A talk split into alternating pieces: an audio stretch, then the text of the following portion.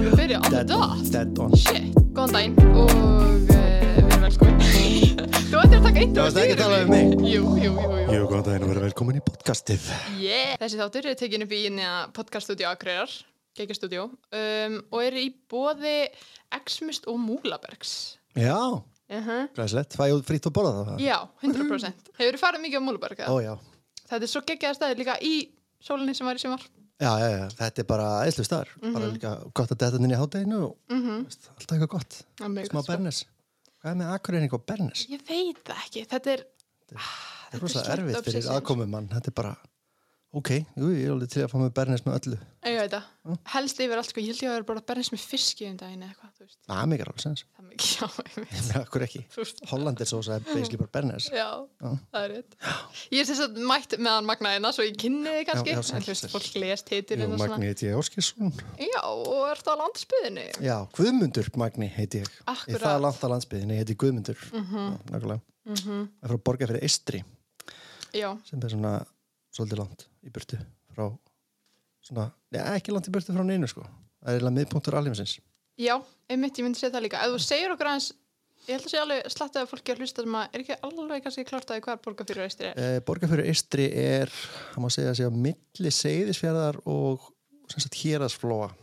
Egist að, þannig að já, ferð út héraðsflóan frá Egistæðum yfir eitt lítið fjall og hóttu konin borgaverð. Mm -hmm. Góði Mhm, staður, er það ekki? Verulega góðu staður. Já, stór fjörður, gríðarlega mikið undirlendi og falleg fjöll og skemmtilegt fólk og rosa mikið að lundum og, og na, fisk og skemmtilegt. já, segðisfjörður náttúrulega líka ekki Nei, skemmtilegt. Nei, já, ok, fyrir Er þetta svona Þór Káa dæmi eða? Nei, segisverður er yndislega staðar. Segisverður sem sagt, e, nú er þú kannski ekki búa vel inn í þessu öllu saman, en það var sem styrra samin að fullta sveitafjörlum fyrir austan, svona eins og fjallabeigð og fjarlabeigð og allt þetta. Og nýja heitir Múlaþing og hérna, og við kvöllum það sem sagt borgarfjörður og nærsveitir. Ok. Það var semst verið að samin að segja svör Borgarfjörð, Egistæði og Djúpavokk á öllum stöðum sem er sko hinum með við fjárðabeið Já, þannig að við kvöldum þetta Borgarfjörður og nærsveitir ok. þannig að segja svör er nærsveit Það er nærsveit.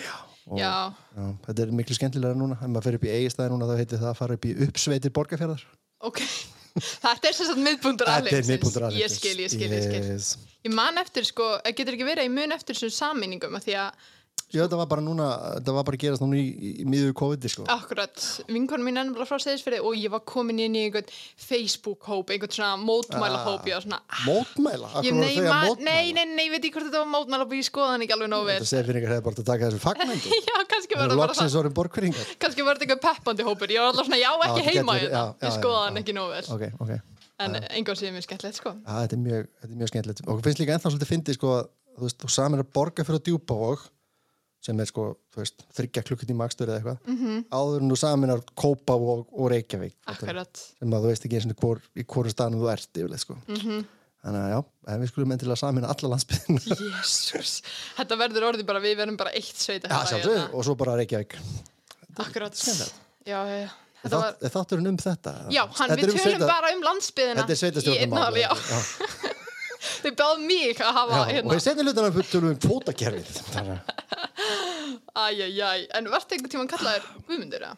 Nei, þannig að eh, borgkunningar er ekkert mjög margir Nei, en þegar ég er allast upp eru fjórir guðmyndar þannig að það var búið að taka það ég skil það var komið gummi og gúndi og gvendur og þú veist, já þannig að ég held með þess að það verið tveir gummar þá er, þú veist, þá er of seint að vera að kalla það eitthvað að þessu Akkurat, þannig að þú sást uppi með Magni Það er fínt að hitt, sko, þegar ég var lítill þá held ég að við höfum verið þrýr Já, ok, bara á Íslandi já, ok þannig að það er mjög fínt, sko Já, það er alltaf hérna- ekki en svo náttúrulega eftir að ég kom, náttúrulega, þau eru mjög margir Jók. Akkurat Þú ert svona brautriðandi í ég þessu breytir hérna, nafni sko, síðan er komið flugvel sem heitir þetta og, og gígur í gár, hérna, hérna eigafjallum og þú veist, bara alls konar, sko. Akkurat Allt í höfuð á mér. Já eða einhverjum gaur úr góðafræðin, ég veit það ekki alveg. Nei, við skulum ekki frekar vera að mér. tala um það, Frekar sko, mér ég. er líklegt að það sé þú, sko. miklu frekar, sko Hefur einhvern tíma lendi í einhver svona skýri í höfuð á þér, einhver svona sem þú þekkir ekki? uh, einn hund, já sem minnir mig að það hefur verið hestur líka, hérna, einhvern tíðan ég séð og heyrt, bara verið skýru höfuð að mér Ok, en uh, nei, ég meina, þú veist ég held að skýringin í höfuð af einhverjum en þú veist, það er einhver ástæða fyrir því að, að allt í hennu var, þú veist, Eifur Smári og slá vinsalt nafn og þú veist, eh, svona Aron veist, þetta Já. er meira bara svona að þú heyrir nafninu oft og bara, að þetta er flott nafn, þú veist, þá mannst eftir í já, já, já, já. sérstaklega ef við heitum svolítið svona sérstökum nöfnum eins og Magni, þetta er mjög, þetta er alltaf, þetta er mjög gott nafn Mhm. og það eru mjög fáið sem heita þetta, eða ekki voru þannig að þetta er svona, þú veist, þú heyrir þetta og svona, já, heyri, þetta, ég get alveg notað þetta á hundi minn Mhm. eða barni mitt, eða kötti minn eða eitthvað já, já, já. er þetta ekki frekar þannig? Ég var skilur, Jú. sko, veistu hvaðan ég fekk nafnum mitt? segðu mér og símaskráni held ég í alvöru, það var bara, ég spurði einhvern tíðan með um pappa bara, akkur er Magni, í hvað, þú veist, ég skil Guðmundur, það er bróður ömmu, bara, ég er fall, bara, indislegt, bara, mm Mhm. maður, hvaðan kom Magni? Það veit ég ekki, já, ok bara úr lausu lofti, bara, "Ah, þetta er fínt, notum þetta. Þannig að, veist, er þetta ekki bara þannig? jú, ég held það nú yfirleitt sko Ég held annarkvort þegar maður skýrir höfuð angur eða einmitt, já, fær svona, eins og hérna eftir að Solund Diego skýrði Maron Já. þá voru náttúrulega ótrúlega margir eitthvað svona kannski ekki beint að skýri höfuð á sínina en samt svona, það er náttúrulega bara ógislega fallegt nafn Þannig Maron, já, voru já, ég þekki nokkra svo leiðis. Já. Þetta er bara svona einmitt, þetta er svona tísku fyrirbreyði, bara- Mhm. svo endur þetta alltaf aftur bara í Sigurður og Jón. sko. já, já, Svona Þeir allir, Guðrún þeir og- allir eru konum með leið á Baltasar Tristansnær. það er bara, að, það er bara Jón. Og Svona, já. er ekki, hva, er ekki Guðrún en það þá vinsal, vinsalasta kvennmarsamni eða? Já, þetta er, þetta er svolítið skemmtilegt að googla þetta sko. Hvað Já. er, hvað er bara vinsalast bara ever? Þú veist, það er einmitt bara Guðrún, Guðmundur og mikið Guð. Já, einmitt Það er með sko. gríðilega trúi þjóð. Eða ekki? ekki lengur Nei. en já, þetta er, þetta er skemmtilegt að pæla í þessu sko. Á, já, það er gaman að pæli að svona skrýtnir hlutum. en hefur ekki fengið mikið á svona skrýtnum eitthvað svona hundur skýrður í höfuð og er eitthvað svona þess á eins ból og þú eða eitthvað Jú, jú, það er líka alltaf hérna út alveg eins og maðurinn minn að ég er sköllóttu með skegg Seriously? Þú er bara, þú er bara alveg eins og frændi minn og svo sínum maður mynd Nei, þetta er, bara- þetta er kínveri, hann er bara sköllóttur sko, þetta er alveg þar sko. það er bara, Já, ég skil þetta er svona, þetta er, þetta er næstum því, nú er ég ekki að segja að hérna, miðaldra sköllótti hvíti kallmenn verði fyrir rasisma, alls ekki en hérna, þetta er Æ. næstum því maður svona, skilur svona stereotýpur Já, Þú veist, you white people all look the same hérna skilur það er bara út alveg eins og nei, ég er sköllóttur, það er Mm. bara það sem við erum alveg eins akkurat Aha, þannig að einmitt við Þorvaldi Bjarni við erum að vera alveg eins Já, ok Yndislegur maður, við erum ekkert líkir Nei. það er ekki neitt Nei, akkurat nema við erum báðið með svona smá vandamál þegar kemur að horfvexti og þannig að ég fæ það rosalega oft Það er áhugavert sko bara, ég þekki ykkur Sverri Bergmann ekki sundur really? really? Æ, allir þessi fólk eitthvað svona að reyn, svona, oh, magni eitthvað Nei, Shit, þetta hvað mig finnst það langar að bara, tala við hann." þetta finnst það bara í alvörinni Í alvöru, bara, oh þú my ert god alveg eins og frænka mín, hún er líka ljósherr Já, ok Já, Já, þetta er, þetta er góð pæling sko já, þetta er, fólk virkar ekkert alltaf eins sko, það er bara mjög skemmtilegt Nei, nei, Eh, nei. Jú, jú, maður er lendið alls konar stórfyrirlega hlutum genið tíðina, Mm en það minka með aldrinum Já, og já, það bara jói bíu og gróli þetta eða eitthvað já, gjöðu, þeir fóru örugglega mikið á skriknum skýt, sko. Já, þeir eru örugglega búnir að það líka, nú er þetta örugglega komið yfir í einhvern annan sko, Já, sem bara hérna. bríðar núna já, já, já, já. Þetta er eitthvað þannig En komandi eitthvað með, sko, samfélagsmiðlar voru náttúrulega ekki þegar þú varst Guð, þessi lofati Ingi, já, einmitt, ég ufundaði svo mikið, sko, shit maður. Það er sko það, veist, ég veit að maður hljómar er svo gamalt kallið maður segir þetta en, en dagurinn í dag er bara fokk leiðilegur með hvernig þetta var þegar við vorum ung sko. En Það, hvernig þá? bara það mátti allt það, vissi, það sá engin neitt og vissi engin neitt og það mátti bara allir gera allt sem þið vildu og gerða allt, bara gerða allir allt sem þið vildu og það var bara ókslega gaman Mm -hmm. skilur það var bara 14 ára Eh, ok, ég er ekkert að segja að þetta hafi kannski verið til eftirbreytni en þú veist, þegar þú varst bara þegar þú varst orðin 15 ára og þú búin að fara á 30 svo eittaböl bara með einhverjum eitthvað bara í Ítali eða njálsbúði eða eitthvað og búin að fara á hérna Hall og Akureyri með vinuðinum í tjaldi og, og svo bara komstu heim og bara, hvað gerir þú með ekkiðna? Það er ekki neitt ef það hefur verið samfélagsmiðlar þá er bara verið búin að ná í þig eftir tíu mínútur -hmm. því að mamma þess er alveg samfélagsmiðlar líka sko Mhm. Þú veist, það er bara, af hverju er myndað þér þarna með þessum að gera þetta og drekka þetta uh, ok, ekki heim Já, þú veist. já, já. þannig að frelsið er farið út um gluggan með þessu, sem sagt, það allir að kvart yfir hérna það er- það er myndavélar og það byrja að fylgjast með okkur nei, þið eru að gera þetta sjálf þú getur ekki gert neitt að það taka myndaði og setja það á netið bara, hva, hvernig vissir að ég var þarna? að því þú settir 30 myndir að því fýblið þitt þannig að frelsið er farið sko Mhm. og við upplifum þetta frelsi ég var til þessi ljónsveit, akkurat þarna þú veist, árið 2000, bara í ljónsveitarútu að láta eins og að fáviti það var bara woohoo, bara skilur við, þú veist, maður er ekki komast upp með neitt að þessu ef það hefði verið mynda alveg að staðar Já, já, já. kannski ekki að segja að það hafi allt verið svona til eftirbreytni en þú er þetta gaman þetta er ekki svona í dag, sko Nei, einmitt. Uh, kannski meira pressa á þá svona ungum tónlistamennum og eitthvað að vera svona fyrirmyndir og svoleiðis eða hvað? Já, þetta er bara sko, ekki, ekki miskilja mig, mér finnst þetta líka æðislegt ég, Mhm. meina, ég, er alveg á, þú veist, ég er á þessum miðlum sko, en ég er ekki á þessum miðlum þannig að það takir mig tvo klukkutíma á dag að búa til mynd af sjálfum mér í heitupotti sko, þú skilur Mhm. þetta er farið að vera svolítið pyrrandi eða ekki Jú, ég held það sko. Þú veist, ég meina, ég er líka oft ok, nú, nú er ég alveg komin í gamla kallin sko. Go for it. þú veist, þessar myndir sem að koma svo alltaf búið að samna þeim saman, hvað voru þessir að gera í vikunni hérna Já, já, og maður já. já. sér myndinar og það er bara ok, fyrst alveg, hver tók þessa mynd? bara, bara, ok, þú stendur þarna í einhverju tungskinni uppstilt þarna og með þetta í glas í hendinni og kampavínu og bara slaka og aflega tekið 45 minnum dags mynd hver tók hana og hvernig er fokk nöndan því? bara, nei, þetta er til að taka aðra nei, seriously, getum við bara farið að gera eitthvað bara, er þetta kærastinn eða þú veist bara, Já. getum við please bara farið að horfa á myndina nei, ég er að taka mynd af pappinu, bara seriously Og þetta er að fyrsta sem ég hugsaði síðan sem myndir bara, þetta hefur tekið 45 myndir að taka og það hefur einhver annar þurft að býða með hann og taka myndina mm -hmm. Og svo aðra 45 með editana. Já, á, svo, svo, svo koma filter hann þá var bara myndin búinn sem ég ætlaði að horfa á sko. bara, þetta er það sem ég hugsa sko. Já, alveg góða pælingar sko. hversu mikið tími fer í þetta rusl Og fyrir hvað? og fyrir hvað Já. Já. Sumum fyrir peninga.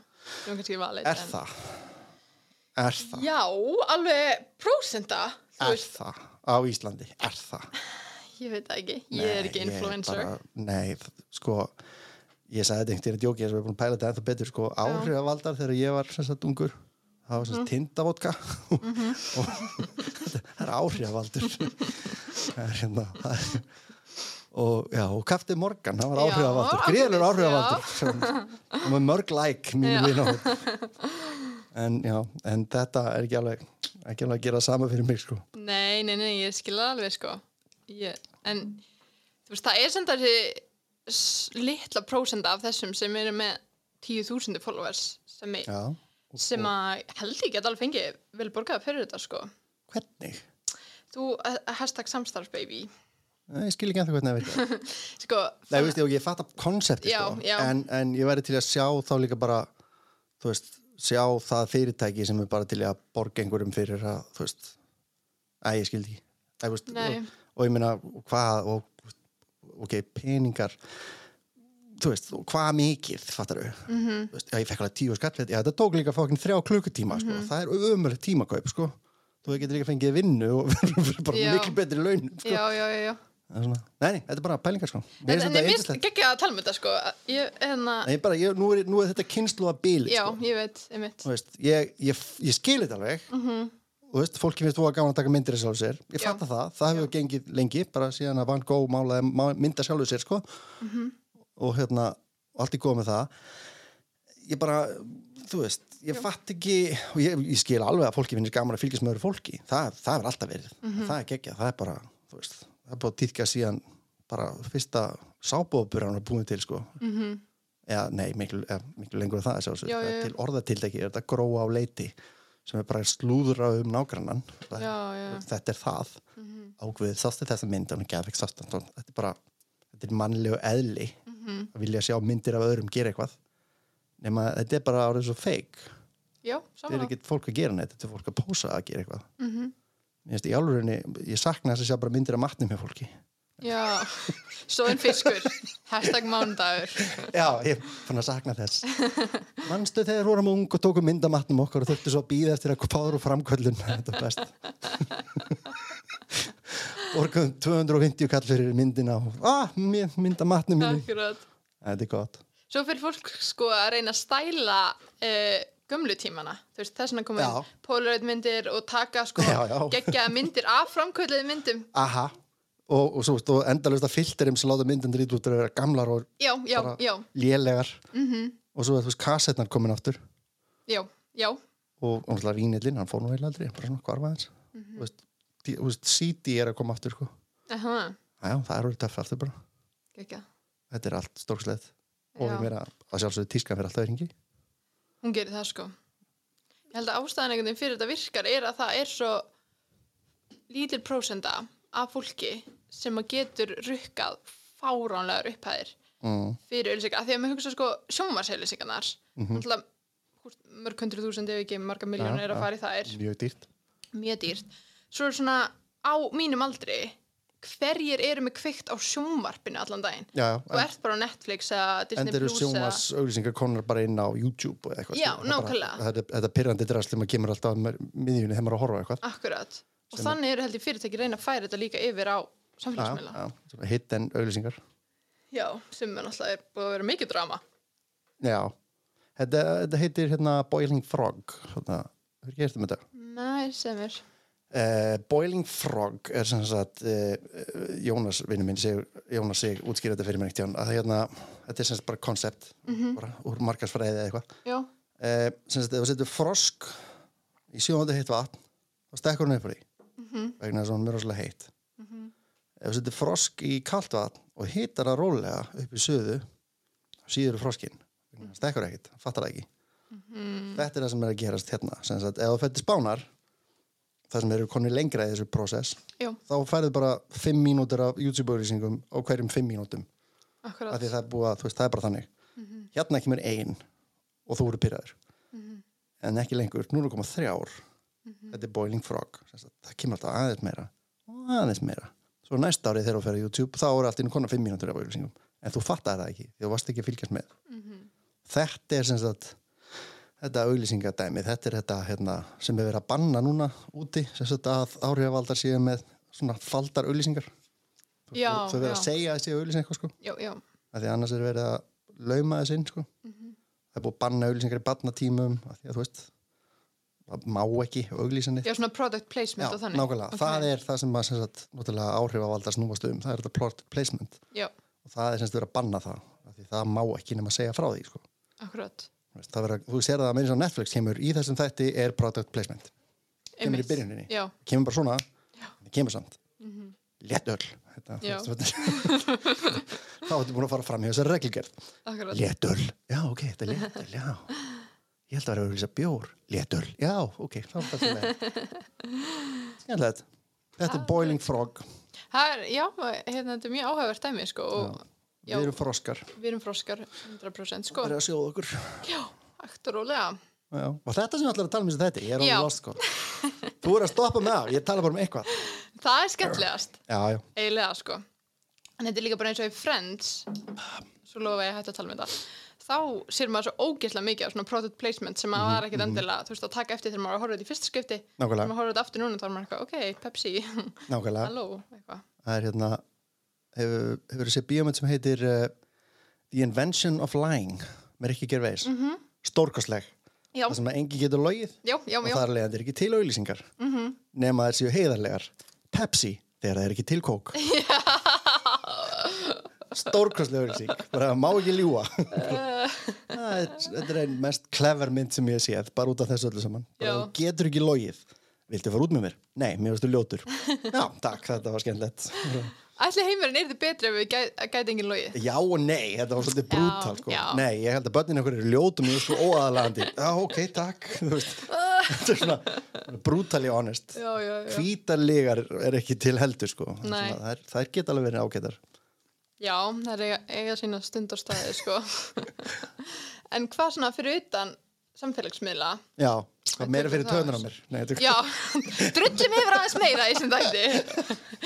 Nei, bara svona, hérna, ég, ve- að ég veit til dæmis að það er mikið af fólki á mínum aldrei að hlusta, eða þú veist, það er held ég, held ég, Já, flest, já, flest já. fólki sem er að hlusta. is there anybody out there Hello, um, ekki senda, þið getið ringt í mig, síminn er ekki samfélagsmiðlar. Það er alveg vondu hugmynd í podcasti síminn er opinn Nei, hérna, hvað finnst þér svona aðal munurinn frá því að þú varst að alast upp eins og börnin er að alast upp? það er náttúrulega bara, þú veist, tölvur Já, já, já. það er bara munnin Auðvitað. þessar, þessar blessuðu leikjartölvur og gjátölvur og spjaltölvur og eða bla bla bla mm Mhm. ég meina, don't get me wrong, ég er miklu meiri símanum mínum heldur en börnum mín, sko Já, en ég veit líka að það er bara óþólandi skilur, þetta er bara þetta er vandamál Mhm. Þú veist, ég veit ég hljóma svo gæða kallin menn þetta er vandamál nei, ég er bara samlega sko. þetta er bara, þú veist, og maður, þú veist, þetta er bara eins og þetta er svo krakk, maður er bara alltaf þú veist, ef þú sest niður í tvær mínútur og komið síminn, sko -hmm. og þú veist, og allt er góð með það, ég meina annars væri bara búin nefið í þessu tvær mínútur Já, já, en þú veist, samt já, samt og ég meina, jú, þú veist ég veit líka að mín kynslu gerir bara eitthvað annað þú veist, ég, var alveg, ég var alltaf að horfa vídeo þegar ég var lítill sko. mm ég var bara alltaf að horfa á sjónvarpið ef ég komst í það en það er samt miklu meira aðgengi núna, fattur mig Jó. ég gæti ekki tekið sjónvarpið bara um að fara inn í herbyggju og fara inn í seng og farið í að, eða, þú veist, að horfa á það það er verið mjög þungt og túpusjónvarp sko. já, en hérna, þú veist, börn í dag geta bara tekið síma sinn og sokkið einhvers staðar og þú bara fattar ekki hvernig þetta er klukkutíma bara, býtu, hvar er þess? Já, já, hann er bara í iPadinum, mm Mhm. þannig að það er í sjálfu sér en þú veist, samt, þetta er ég gerir mér samt grein fyrir þegar ég segi það að hver einasta kynnslóð hefur sagt þetta um börnin sín, skilur, þetta Já, er já, þetta já. er nú til vandamör helvítis rokkið, þú veist, þetta er alltaf Mhm. kemur alltaf eitthvað nýtt hjá hverju kynnslóð sem að kynnslóð undan fattar ekki alveg já og, og fyrir tögunar á þeim en skilur, þetta er samt vandamál Þetta er það líka að því að er ekki líka pínu munurinn á því er að þú vorst þá kannski nei, rockið er geggjað en mér Já. finnst við vera, nei, hjálpið okkur þetta er Já, umulegt þetta er meira sko fullandi fólki er verra en börnin er kemur að símónum sko Já, Þú veist, við, bara, það er bara eftir í já, þú veist, að við erum sennilega bara lengur að þessu, sko. já, þetta er líka bara, okkur finnst þetta eiginlega bara merkilega bara, vá ég er með YouTube, ég get hort á hvað sem er krakkarnir eru meira bara og ég hef alltaf hægt YouTube, það er, við erum búinu með það bara mm Mhm. -hmm. skilur, enda er ekki Facebook bara orðið hallarinslegt og nú er þetta komið yfir á TikTok og já, það er það sem maður heyrir sko ég skil ekki TikTok, ég er búin að prófa það Ertu bara að prófa það? Ég hef búin að, þú veist, ég, að, jú, þetta er bara, vá, frábært, það er einhver að dansa við eitthvað lag, frábært, geggjað, það er slitt, bara, mm hjálp mér ekki neitt. Þú veist, ég basically nota Facebook bara til að njóstnaði vinni mína, sko, ekki til að horfa á myndir af kanínum eða eitthvað. Nei, ekki Njóstnaði vinni mína. Ég er skaman að njóstnaði vinni mína. Já, það er gaman sko Já, sérstaklega þess að maður er ekkert að njóstnaði á, maður sé bara það sem þið vilja og sjáir. Mm -hmm. Það er allir fullkomi líf í dag, mm -hmm. samkvæmt Facebook, 100% sko Það er bara helvítis fíbli komin upp á ennett fjalli. Já, ég ætla akkurát að fara að segja Svo fer hann potið heim og grætur sér í svepp, sko, það er ekki Facebook. Akkurát Ah. En hann þurfti að fara í þessi fjallgönga þegar maður alveg að missa það sko Já, nákvæmlega, nákvæmlega. Það var annarkur það eða að fara og drepa alla. Þetta var mikið. En maður sér ekki þá hlið. Það er ekki- Nei. Mhm. Það er ekki, ligg átandi heima hjá mér. Tvö læk. Bara, Já, Mhm. nákvæmlega Á ég að læka þetta? eða Hvað vilt að ég gera við þessu? Mm -hmm. Ég held að það sé einmitt mjög góða punktur að þegar fólk svona, um leiðu allar að vera svona, að ég ætla að vera opinn, þú veist, ég sýndi bara eins og þetta er, Aha. þá oft er ekkert endur að tekja svo vel í það. Já, maður bara, nei, ég ætla ekki að skrifa neitt í þetta. Þetta er bara vandræðilegt. Já, Setjum happy face. akkurat, maður bara setti bara einhverja hot mynda þér í heitupóti eða eitthvað. Já, já, þá farum við fullt að læka. Já, sko. já, já, já. Ég, ætla alltaf, ég seti alltaf svona confused gaurinn alltaf svona myndir, hvað er, að- hvað er að gerast líka þegar fólk er í fjallgöngu þá kemur bara reyði gaurinn frá hættu þessu ruggli hættu að byrta myndir erba fjalli já, það er enda mjög gott, sko. glimtir einhverju síðastur rostabás í fjalli eða af hverju þetta fara aftur upp á það Skildi ekki. ég bara, Segir maður sem er komið einn og hálfan tíma á göngutúr. já en ég fór ekki upp á fjall Ég er ég, að ég fór nýr í elko Já, geggjað. póstur síðu eitthvað þetta er, já, þetta er maður þarf að reyfa sig eitthvað Maður verður að gera það, sko. Ertu mikið alaba? Það er ekki neitt, ég er Nei, já, ok. ógæðislega latur sko. Já, ég, bara, ég, ég veit að maður á að reyfa sig já, en ég hata líka sreitt ég bara, Einmitt. ég bara labbi inn í rektina með nokkar að lemmi ykkur sko, ok, ég bara skil. leiðu finn lyktina og bara en, þú veist, Mhm. en ég veit ég á reyðum er Já, það ekki fyrst að skrifa það jú, hugurum veði hálfa leið ég er og... svo tólspóra kerfinu, bara ég veit ég á ekki að vera á dópi Já. Ah, þú veist, skref eitt Akkurat, akkurat. þetta er eitthvað svo leiðis en jújú, jú, ég hef sennilega aldrei verið í verra formi sko, en bara svona Er það ekki margir núna samt? ég er líka bara að vera gamall, það gerist eitthvað að ferdugt ekki laka til sko, Ekki? nei, hvað er þetta gamall? Það er 24? að nóg eftir, Já. út alveg sex góð ár eftir Þú reyfum minns mikið og ég get á þessum bara í sex mesta árum. læg nei, nei, þú varst svona 15 góð sko. svo bara leiðum að vera færtur þá allt í henni bara svona það er eins og einhver rífi handbremsuna þegar kemur að efnaskiptum Aha. þá bara allt í henni bara býtu, akkur er hambúrgar neð þá utan á mér sem ég, hver, það er ekkert að fara þá, bara maður má ekki fá sér eitt bjór þá bara þingist maður um það akkurat, Ég það er rosa skrítið maður mm Mhm. -hmm. og þegar alltaf heitt og bara vesen, Já, þú var helvítið svesen. Skilt ekki. Er alltaf bitur það ekki þess vegna sem fólk er bara að fara í gólfið og svona? jú, ég er bara svona einhver þægilegt lapp Já. já, það alveg eftir Þú ert eftir að detta inn í gólfið? Ég er svo hrættur að prófa það, ég er svo hrættur um að finnast það skemmtilegt sko. Já, akkurat. Ég skilði mér, ég er nefnilega líka hrætt með það og ég er alltof ung fyrir að detta inn í gólf. Já, guðan bara með ekki byrja í því strax Ég veit sko. það. Ekki það að þú getur að vera áreiksmanniski þú er það ung sko. Er það? Er ég ekki aðeins gömul fyrir það? Það slepp Já, ég. sennilega, þetta er sennilega búið En, ég man ennþá eftir augnablikinu þegar ég, þegar ég var að horfa á handbolta, já, bara á hérna landsliði handbolta mm Mhm. -hmm. svona, vinsal íþrótta mínu heimili aðra landsliðið og ég fattaði að allir í landsliðinu voru yngri en ég meini sig að Guðjón Valur þá bara, á, ok helvítis. Það var sem sagt bara Óli Stef sem er eldri en ég og svo hætti hann og þá var bara, njá, já, ok helvitis krakka fíbl þannig að, já, Veit. það er skrítið vingill að það gerir sko Já, er það ekki? já, mjög, ekki laka til svo margt sem voru ekki að laka til í lífinu Er þetta, hefur þetta bara farið niður á við? já, ég meina, þetta er, þetta er ógæslega fyndið þegar maður fer að pæla í svona hlutum sem maður gerir bara óseglátt svona róli, í róli heitum maður er að horfa á eitthvað bara, að þetta er gamli jakslinn hérna í markinu bara eitthvað, á sínum 15. ólíbíleikum bara, bara, bara elsti maður sem er nokkuð tíðan spilað með fótboltalegi og hann er ári yngri en ég hvað- what the fuck byrju, byrju, gamli markmaðurinn hef ítæli er hann eld, yngri en ég þetta er svona, þetta er rosa krítið sko Smá högg. Þetta er smá högg. Já. Er þetta ekki bara svona í nokkur ár og svo byrjar maður að njóta þess að þá vil maður bara vera fljóður að spila gól og... Jú, örgulega, en þú veist, þetta, er samt- þetta kemur alltaf svona í bylgjum, svo kemur hérna Nevermind með Nirvana er þrítug Ha? Hvernig getur það verið? Smí? Ég keipta hann og hann kom út uh, svona, og líka hérna semst, mín kynnslóð Mhm. 1990 var áðan fyrir okkur, bara áðan Já. að það er stýttra í 2050 heldur en 1990 það er svona Já, vá. já, akkurat, Shit maður. akkurat Ok. allt þetta sko maður. what? Já, bara hvernig getur það verið? Já, hvernig stendst það vegna þess að ekkert okkar er búið að þroskast sko, neitt og mér finnst ég ennþá vera hálfviti sko bara þú veist, 25 ára sko Það finnst þér þú vera eins og... Já, alveg, eins. Í alveg, nema bara ok. okay. veist, með, að, að byrja að grána í skeggin á mér og svona en, en hérna, ég, veist, ég hef ekki ennþá jakkaföt sko sem að ég, ég fer í bara, Einmitt. ég ætla ekkert að þroskast sko Nei, það er það búið, er bara fínt sko. það er ekkert fyrir kistu þess Hvað hérna, hvað er elsta barnið þitt gamalt? hann er að verða 16, hann er að byrja með skólanum Ok. Yes. Á Hann er- mentaskóla guður. já, hann er að fara í mentaskólanum Akureyri Já. og er nýbyrjar það sem sagt Já, vel og gert. hérna, takk Hvernig gengur? Það bara, hann er að eisa þetta Nei. hérna, ég var nú að vona að, þú veist, að þeir fengi nú kannski að byrja eðlilega í skólanum en, en þú veist, þetta lítur að fara að klárast þetta COVID-drasl en Akkúrat. hérna e, já, hverjum í anskotanum datt í huga að stytta mentaskólan Ok, Hvað er ok. það? fannst þér Nei. ekki gaman í mentaskóla? Meðast að gegja, sko. hvaða mentaskóla varstu?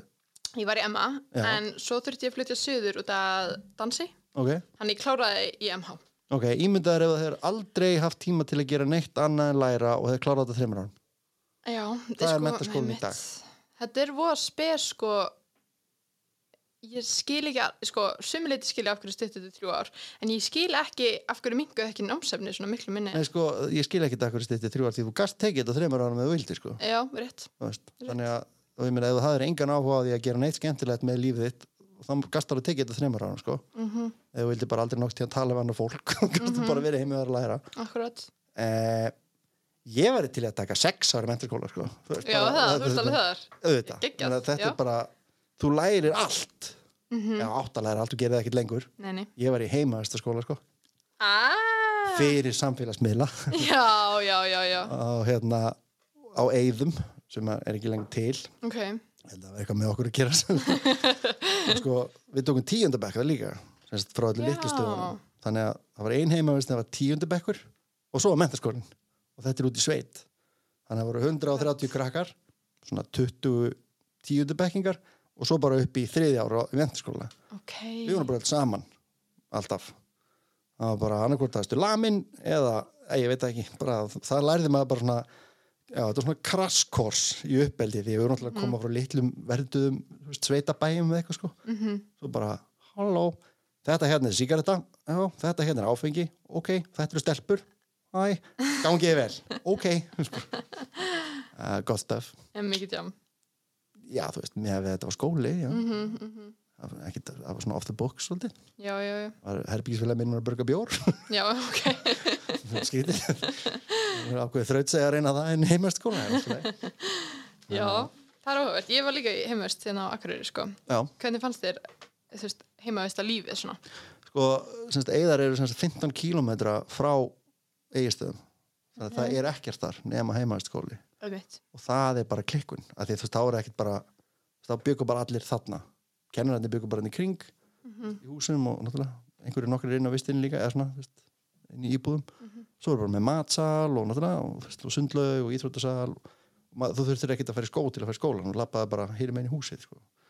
og mér finnst þetta alveg geðveikt það Já. var fullt að liði sko maður var náttúrulega svolítið blindur í gamla þú veist, í þess, þú veist, það var ekki til eins og hétt einelti fyrir árið 1995 mm Mhm. það var bara hópefli gegn einum hérna, þannig að maður var svolítið blindur á allt ég er að tjúka hérna, ef þú veist hvað ég meina þú Já, veist, þetta var já, ekki, já, ég það var skil, ekki ég skil, ég talað skil. um þetta allt saman þú veist, Nei, nei, nei, akkurat. það bara, þú veist, hvað er að þessum skilur við Já, já, bara, algjörlega. Mhm. akkur er allir vondið við þennan, það veit ég ekki bara, ég er Skrýtin. einhvern veginn bara blindur og pældi aldrei í neitt í neinu svona ég held ég hef ekki verið vondið við neitt en ég var aldrei að pæla í þessu sko. Mhm, -hmm. þannig að ég var alveg fullt af fólki náttúrulega sem leið hræðilega í svona skólum eins og alls þar annars staðar en mér leiði alveg fáranlega vel mér finnst bara ógeðslega gaman, þetta fullt af vinnum og var í fimm hljómsveitum og mm -hmm. kynnti stelpum og, og þú veist, það var sjúklega gaman mm -hmm. mhm. ég man ekkert eftir að hafa lært neitt en allavega ekki, þú veist, það kemur að bókna á mig Nei, nei, en ég meina, ég hef aldrei vilja missa þetta niður í einhver þrjú ár fattur. ég skil.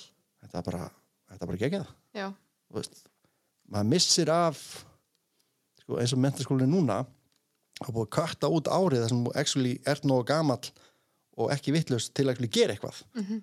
skilur þú veist þá bara þetta, þetta fólki sem er alltaf verið nefndaráðið já, Skilurðu? já, stjórnað öllu og gert allt og svona. það er ekki lengur til þetta eru bara krakkar og svo er þetta bara útskrifaði krakkar Fattar við, það vantar þetta efsta stig þarna, það sem þú ert svona, "Já, ok, það komið bílpróf svona aðeins farin að vita hvað er upp og niður núna er þetta bara þetta er hingið mömmu, þetta er búin í skólanum Þú veist. Em, svona fær smá tilfinningur fyrir því sko mhm, þannig að ég held að sé að fara að koma svolítið niður á bara sálarlífi allra mennskjælingana já. held ég það hefur náttúrulega ekki komið reynsla að því að það er allir bara búin að vera í COVID síðan það var tekið Já, á. náttúrulega, þannig að skólinn er búin að vera algjört krapp hvort þið er já, en já, til að svara spurningunum ég finnst þetta gegga já, geggjulíf. Þú var strax svona töff tónlistar.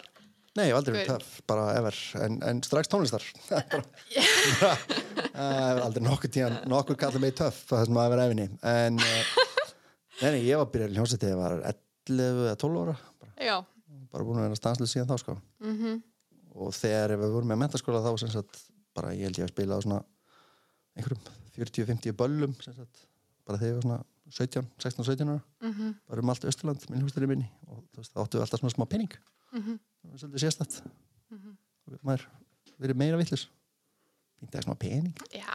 Það er samt töff, þú getur ekki hafa verið lúðinn í hljómsveitinni. Nei, ég var ekki lúði sko, ég held ég bara að vera svona mitt á milli Mitt á milli, ég já. var alveg með sítt hár sem að var kannski ekki sérstaklega cool á þessum tíma Ok, ok. Mhm. 96, 7, 8 alveg bara hárnir á eitthvað svona aðeins niður fyrir ribbin og Mhm. Já, ok, alveg. já, já, bara, sítt. já, bara sítt Sítt, hár sítt, sítt. Já, já, ekki, ekki, ekki hálfkák bara metalega sítt sko Já, geggjað. og já, bara okkur fannst við alveg verið töff held ég Það Eh. er skiptið mestu. náðu allavega í konuna mína Já, nóga töff þar, hún var Nákvæmlega. langt sættast að stelpa þannig að ég lítið að hafa gert eitthvað rétt mhm, Já, það var bara svona voðalega bygglega skrið. Alltaf, endaði það með er mér. annað hvort. Hei, vinn fyrir mig. Já, bara geggjað, sko. Já, já. En ég veit að þú ert búin að þræ, sko, þræða tónlistaferlin örgulega 100 miljón sinnum. Mhm, Hvað er svona, hvað stendur upp úr Vá, hinga til? já, hing og hjúk. það hljómaði eins og verið bara afskrifað með alveg. Hann er hættur í tónlist. Þeir eru lítur yfir farin veg. Hvað finnst þér að vera skást? Hinga til, hinga til. Eh, sko, ég, ég veit það ekki. Ég, mér finnst það að vera mjög heppin. Ég, meni, ég er búin að spila ábyggilega hátt í 2000 sinnum eða eitthvað hérna á Íslandi og, og helvita oft úti líka. Já, og, bú- og náði þessu hérna þetta er svolítið skrítið orð, þetta sveitaball skilur, já, já, förðulegt orð en, en þetta er samt alveg rétt já. og ég náði svona síðustu bylgjunni Mhm. af því ég, er búin að, ég er búin að spila fyrir þú veist, 800 manns í miðgarði margóft og þú veist þúsund manns þarna og eitthvað bara þú veist, í félagsheimilum og það er gjössanlega styrlað mm Mhm. -hmm. það er alveg heil kynsla núna sem skilur ekkert hvað þetta er sko þú Já. náður þessu til dæmis ekki Ég náðu þessu ekki, en það sem ég er er hestamæður, Já, svo ég hef ok. náð prósend af já, þessu. þú fattar hestamannaballið Já. það er eiginlega sama sko Er það ekki? já, svolítið nema þeir eru meira drukkin Leikskólaréttir og sko. eitthvað, já, fú, jésús, sko. ja, lögskólaréttir er náttúrulega bara rugglaball sko. það er bara rugglað, það, sko. er- það er bara svona svo sveitaball á krakki sko. Já. Mhm. það er bara 2000 manna sveitaball það, það er rugglað sko. og mjög skemmtilegt Já, en þetta er samt ógeðslega gaman. það Já, og ég meina þetta er skemmtilegt við Mhm. erum góður hvað þetta er skemmtilegt Þa, og sérstaklega einmitt þegar þetta var einhvers staðar eins og í, þú veist, ídölum já, Mhm. það sem að það er ekkert annað það er bara sveita, þú veist, það er bara félagsemili in the middle of fucking nowhere og það er enginar og svo allt í henni bara þúsund manns Woohoo! Þú veist, það er ekki ekki akkurat, það er snilt. þannig að ég náði því, það er úslega gaman en það sem stendur upp úr er bara þú veist, hafa gefið út úslega mikið af músík mér finnst það ennþá aðeinslegt sko Þú veist, við erum búin að vera alveg hefnir með það hljómsætti mín og ég sjálfur að við þú veist, eigum alveg slatta gullplötum og tvær platilu plötur og eitthvað og við erum búin að selja alveg hellinga plötum og sem þýðir að einhver hefur netta hlusta á það þannig að, þannig að já og bara ennþá gaman, Já, geggjað, sko. ennþá gaman að búa til músík Af hverju, veistu eitthvað, af hverju þessu sveitabölu duttur svona mikið niður? Það er alls konar ástæði fyrir því. Það er náttúrulega bara, sko, þú veist, þetta er bara sam, samspil af svona hundra þáttum, sko, þú veist. Já, já, já, Á, á svona tímabili þá, þá var svona yfirvöldin að agnúast út í þetta. Það bara, nefndi ekki að vera að senda löggubíla hana og eitthvað, þannig að fekk ekki leifi. Svo nefndi ekki að halda þetta á tímabili og svo komið basically samfélagsmiðlar, sko. Þú veist, fólk var bara Já. Mhm. frekar heimaða sér á Facebook, sko, eða eitthvað ég veit það ekki alveg, þetta, Já. þetta var svona þetta er bara einhvern veginn datt niður ég held að þetta myndi vera alveg blúsandi gangur í þessu ef það væri ekki þetta helviti COVID að trubla þá geti þetta verið já, heldur sko. það, já, já. ég held að fólk er alveg svona til í að prófa eitthvað, eitthvað flipað Ég held það líka, sko, sérstaklega líka fólk á mínum aldrei, minnstu við oft tala um þetta eitthvað svona, já, ég, ég meina við þurfum bara að fá einn áhrifavald til þess að segja þetta sér gaman og það myndi allir fara akkurat, akkurat, eða ekki það, ég held það, sko. veit ekki alveg hvernig það myndi virka samt á sveitabal núna ef allir reynir að taka selfies já, svona virkar ekki alveg Ah, og það verður allir í svona Instagram glam kúrega cowgirl outfit eitthvað já, en ég meina, þú veist ég, pallaball er náttúrulega basically bara sveitabal sko. já, basically, sko. já, ég þú veist. nærða nú vel Ná, takk, ég er bara að segja ég já, Ég er að spila á balli Ég vel gert Takk, þú ert aðeins í eftirhermum, nei ég bara, bara næ palla smá þú seldur mér alveg þarna sko, Já, þetta er, ég er söngvari Ég þarf að vita hvernig maður fer tónandi sko. já, já, já, já. Þetta er bara það Mhm. Ég Það er allir með svona eitthvað Mhm. Ég er ég, þú veist þetta já, Mhm. Það fattar strax hver það er sko. já Já.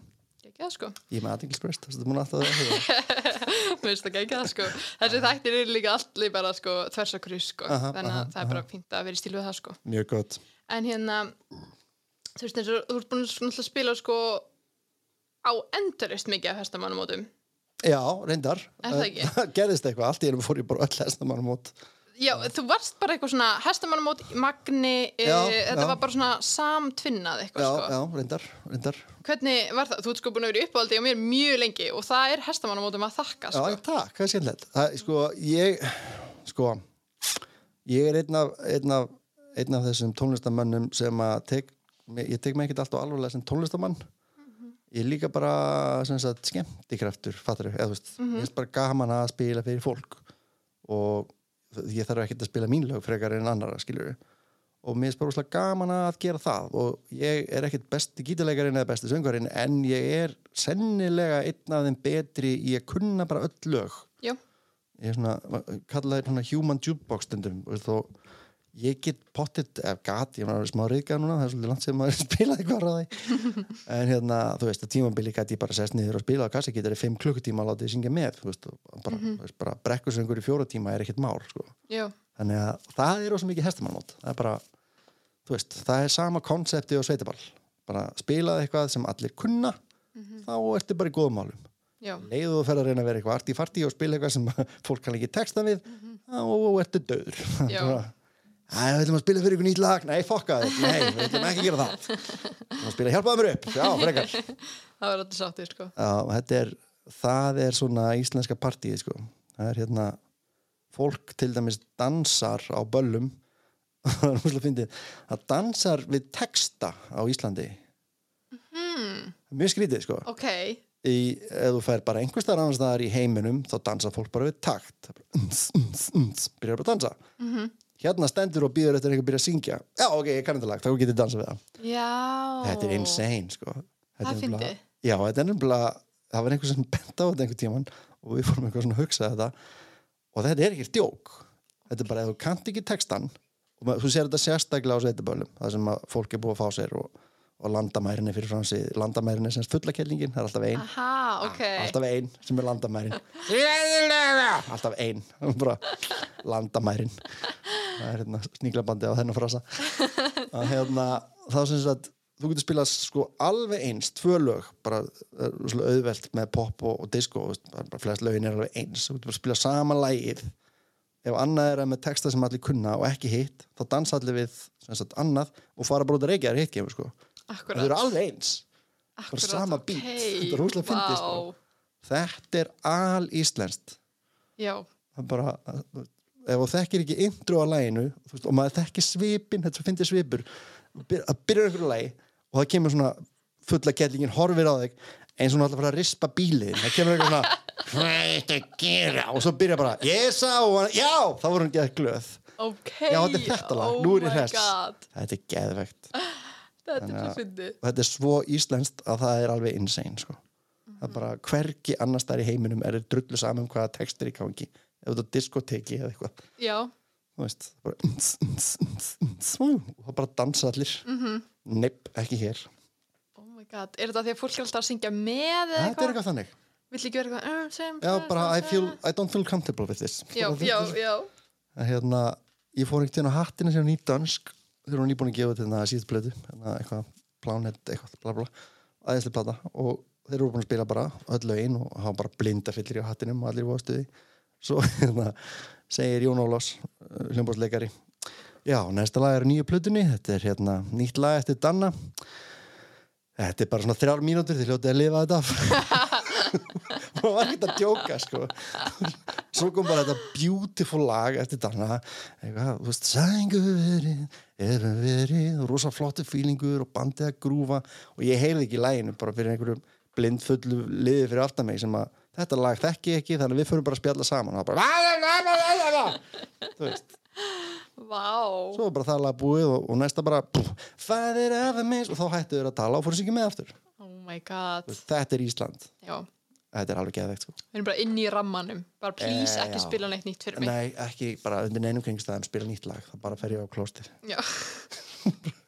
þetta er mjög fyndin pæling, sko. Þetta er sko, þetta er nefnilega, þetta er ekki einu svona pæling, þetta er bara staðrind Já, þetta já, er já, Mm. já. alveg sturlað að vinna í bransan sem er svona sko. Mhm, þetta er bara, þetta er eins og verður að vinna ég, ég veit ekki eins og hvernig ég á að lýsa þessu sko. þetta er bara, pældi ég að vera í útvarpi og þú getur bara ekki að spila nýtt lag, þannig er ekki að hlusta á þig. Akkurat. þetta er bara rugglað sko. Vá, hefur þið einhvern tíma að finna þetta svona heftandi? já, já, þetta, er, veist, þetta getur verið alveg fucking pyrrandi sko. Já, að hérna þú veist, stundum hefur þú veist, hefur búin að spila kannski sama prógramið bara 500 sinnum bara á balli og þú veist, það langaði kannski aðeins að gera eitthvað aðeins, þú veist, komið eitthvað svona smá nýtt, einstakja sinnum já, en svo fattar maður, maður er ekki þannig fyrir það þú veist, þú ert þannig til að skemmta fólki já. og þú veist, gefa þeim bara það sem við vilja fá Mhm, þú veist, Rolling Stones eru 60 ára, gummur hljómsveit það eru þrjú lög sem eru að spila á hverjum einustu tónleikum í 60 ár Já. það er bara can't get no satisfaction því það eru pottið svona 5% sem borguðis inn út af þessu lægi Já, Mhm, og spilar þetta fucking lag Mm. auðvita, já, þú veist, þau fyrir ball með skímó og þau taka ekki farin þá vil ég bara fá endugreitt bara, bara við tókum 50 lög þau tókuð ekki þetta lag já, af hverju tókuð ekki þetta lag skiljuð, þetta er, þú veist Mhm. við þurfum, ég, ég, meni, ég er búin að spila spendur 5.000 sinnum eða eitthvað sko Mhm, það er allt í lagi en það er ástæði fyrir að fólki kom sko. já. þú veist, bara, það er gateway sko. þannig að, já, mhm. Hefur einhvern tíma ekki spilað?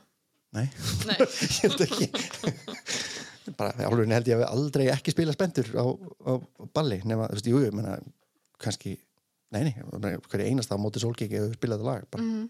en það gegja lag, sko. flott lag ég hef ekkert við þetta lag aðtöga þótt ég sem Mhm. Nei. spila það 5.000 sinnum Já, það er bara geggjað, sko. Já. En ferði einhvern tíma svona eitthvað, uh, já, já, byrjar þetta Nei, nei, en það stundur samt þegar lægi komið í gang þá er ég bara, býtum við, hvert verður þetta komin í Deadpool þegar ég var að horfa á hana síðan Já, og við farin það. eitthvað annað sko. já, en uh, enda sko, ef þú ert búin að spila þú veist, segjum að móti sól sem búin að spila svona þúsund böll Mhm. sem er sko vægt uh, útreiknað hvert ball er svona þrjú klukkutímar það eru þrjú þúsund klukkutímar á sviði að spila já, sæll. og þetta eru kannski svona uh, þetta er svona, svona 60, 50, 60 lög í hvert sinn já, og kannski svona 20-30 þeir eru að spila næstu í alltaf sko. Já. þannig að þá ertu búin að spila eitthvað lag þúsund sinnum mhm, og það er eh, meira en að segja það sko. mm Mhm. -hmm. þetta, þetta hljómar einhvern veginn bara já, þúsund sinnum, það er ekkert mikið prófa að hlusta á eitthvað lag þúsund sinnum akkurat talaði svo við mig frá, já, Það er rosalega oft þá náttúrulega ertu bara á autopilot mhm, því að sko músík er að nota hluta af heilanum að þessu þú notar ekkert endilega dagstaglega svona, en þetta er samt svona hluta af heilanum sem á notar einmitt þegar þú ert bara að borða eða eitthvað, þú veist, já, þú ert bara búin að læra að nota hnífabörð, þú ert ekkert að hugsa um það nú ætlum ég að stinga gaflinum og hann í þennan kjötbita þetta er ekki hugsun sem þú kem, nota mjög oft þegar þú ert að borða sko, nei, akkurat og fá sér aðra skeið af sér það er það sama þegar þú ert að spila á gítar sko, það er bara, þetta er, þú hugsar það ekki sko, ef þú þarft að hugsa þá ertu ekki búin að æfa þér nógu mikið Þá- já, já, já, já, þetta heitir vöðvaminni mhm, og þú þarft ekki að hugsa það mhm, nú ætla ég að spila á gítar hmm. Mhm. þannig já þá einmitt getur hinn hlutina heilanum farið bara að gera eitthvað annað já ég hafi gleymt að taka upp þvottavélina, ég er bara- þetta er mjög fyndið slefti sko. ekki og glænta já, þessi hugsun að því að þetta er svona djók hugsunin líka þú veist, já, þá kemur hún í álfurinni bara allir ég hafi gleymt það hugsun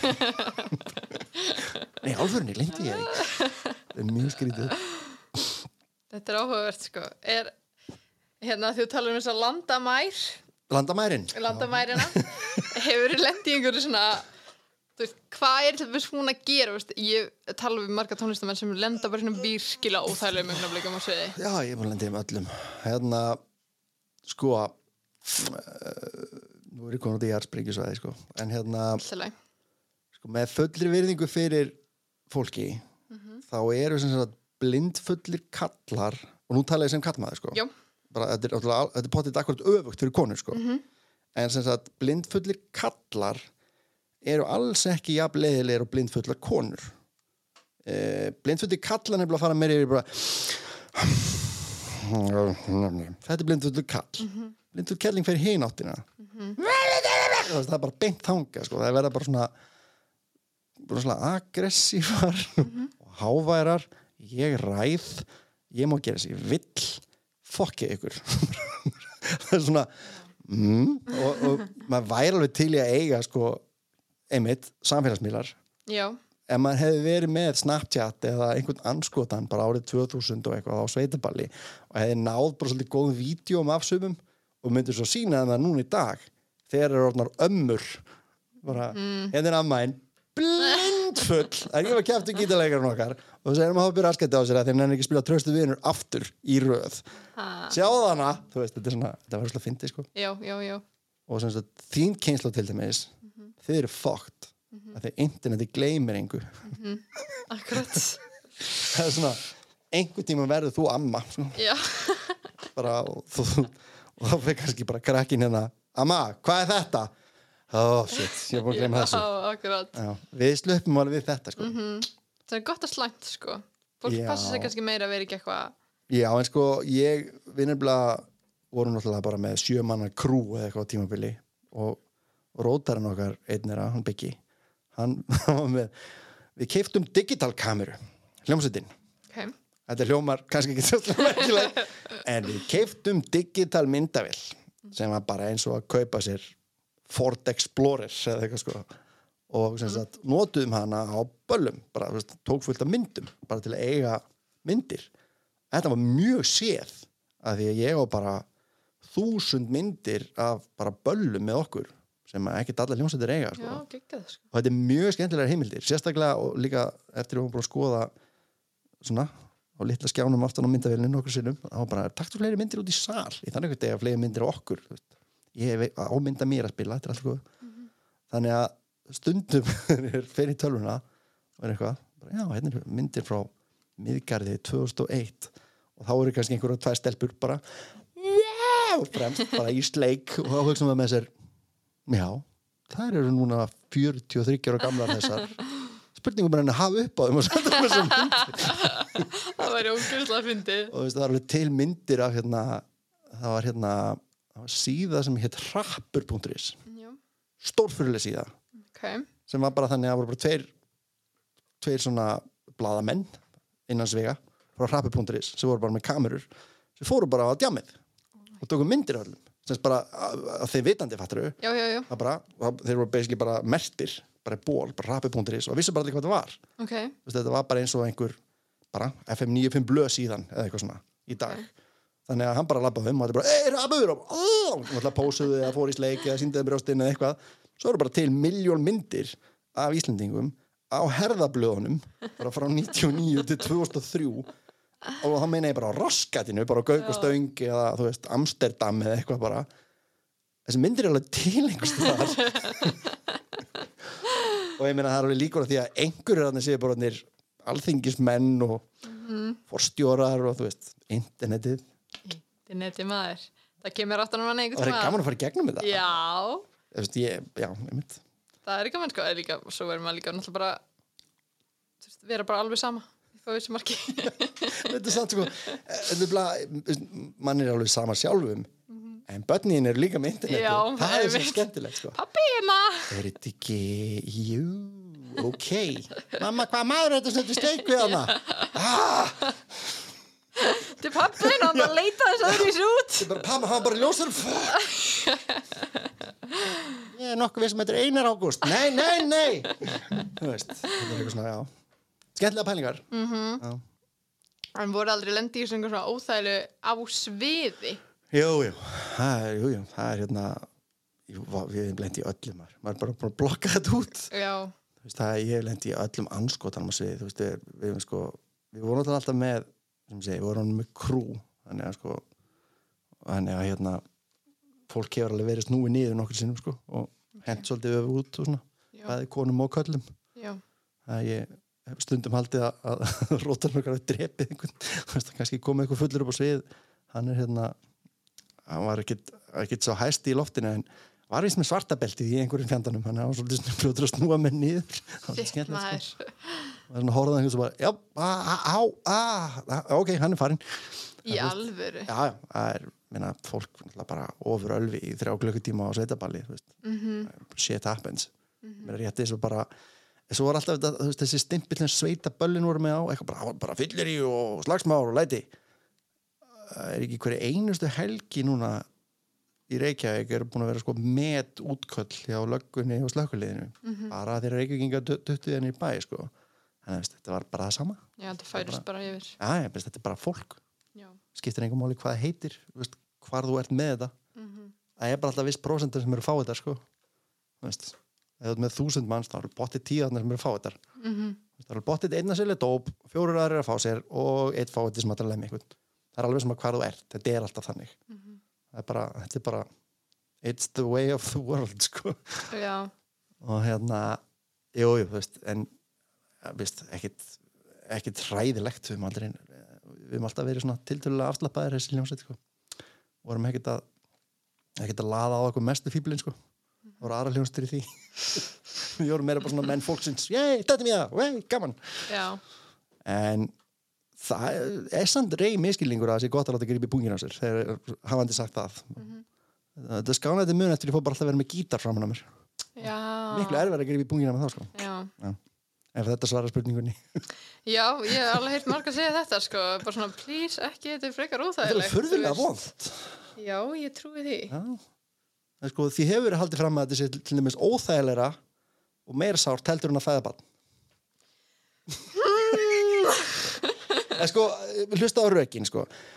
konur eru alveg til í að gera það aftur við viljum ekki láta gera þetta aftur Já, það er kannski út af útkominni. nei, nei, nei, nei, það er þú ert aldrei að fara svona langt nefn Þetta er læg, setjum búnt hana. Já, þú bara alltaf taka einföldustu útskýringuna strax uh, Jó, þetta er mjög vond Ég, Já. Ekkert mjög lengi samt, þannig að jú, þetta er kannski verra Nei, tjók En, en, nei, en þú veist, líka fyrir auðvitað bara eitthvað svona líkamlega sársöka. Er þetta ekki bara, En Þetta er bara svona, hvað varst að gera? Já, Ef sko, eh, það er enda með ólíkindu hvað margt hefur breyst á síðustu 20 árum þegar Já. kemur að þessu, það er gott, þú veist, vonandi já, já, bara, Já. þú veist, að, hérna, bara, me too, skilur, mm Mhm, -hmm. þetta er, það er ótrúlega margt sem hefur breyst í alla vegu, sko, Já, í allar áttir, mm Mhm. -hmm. það er hérna, þú veist, það þótti heldur ekkert tiltökumál fyrir 20 árum síðan að grípa það bara brjóstið á einhverjum á móti, fattur, eða eitthvað, skilur, já, það er bara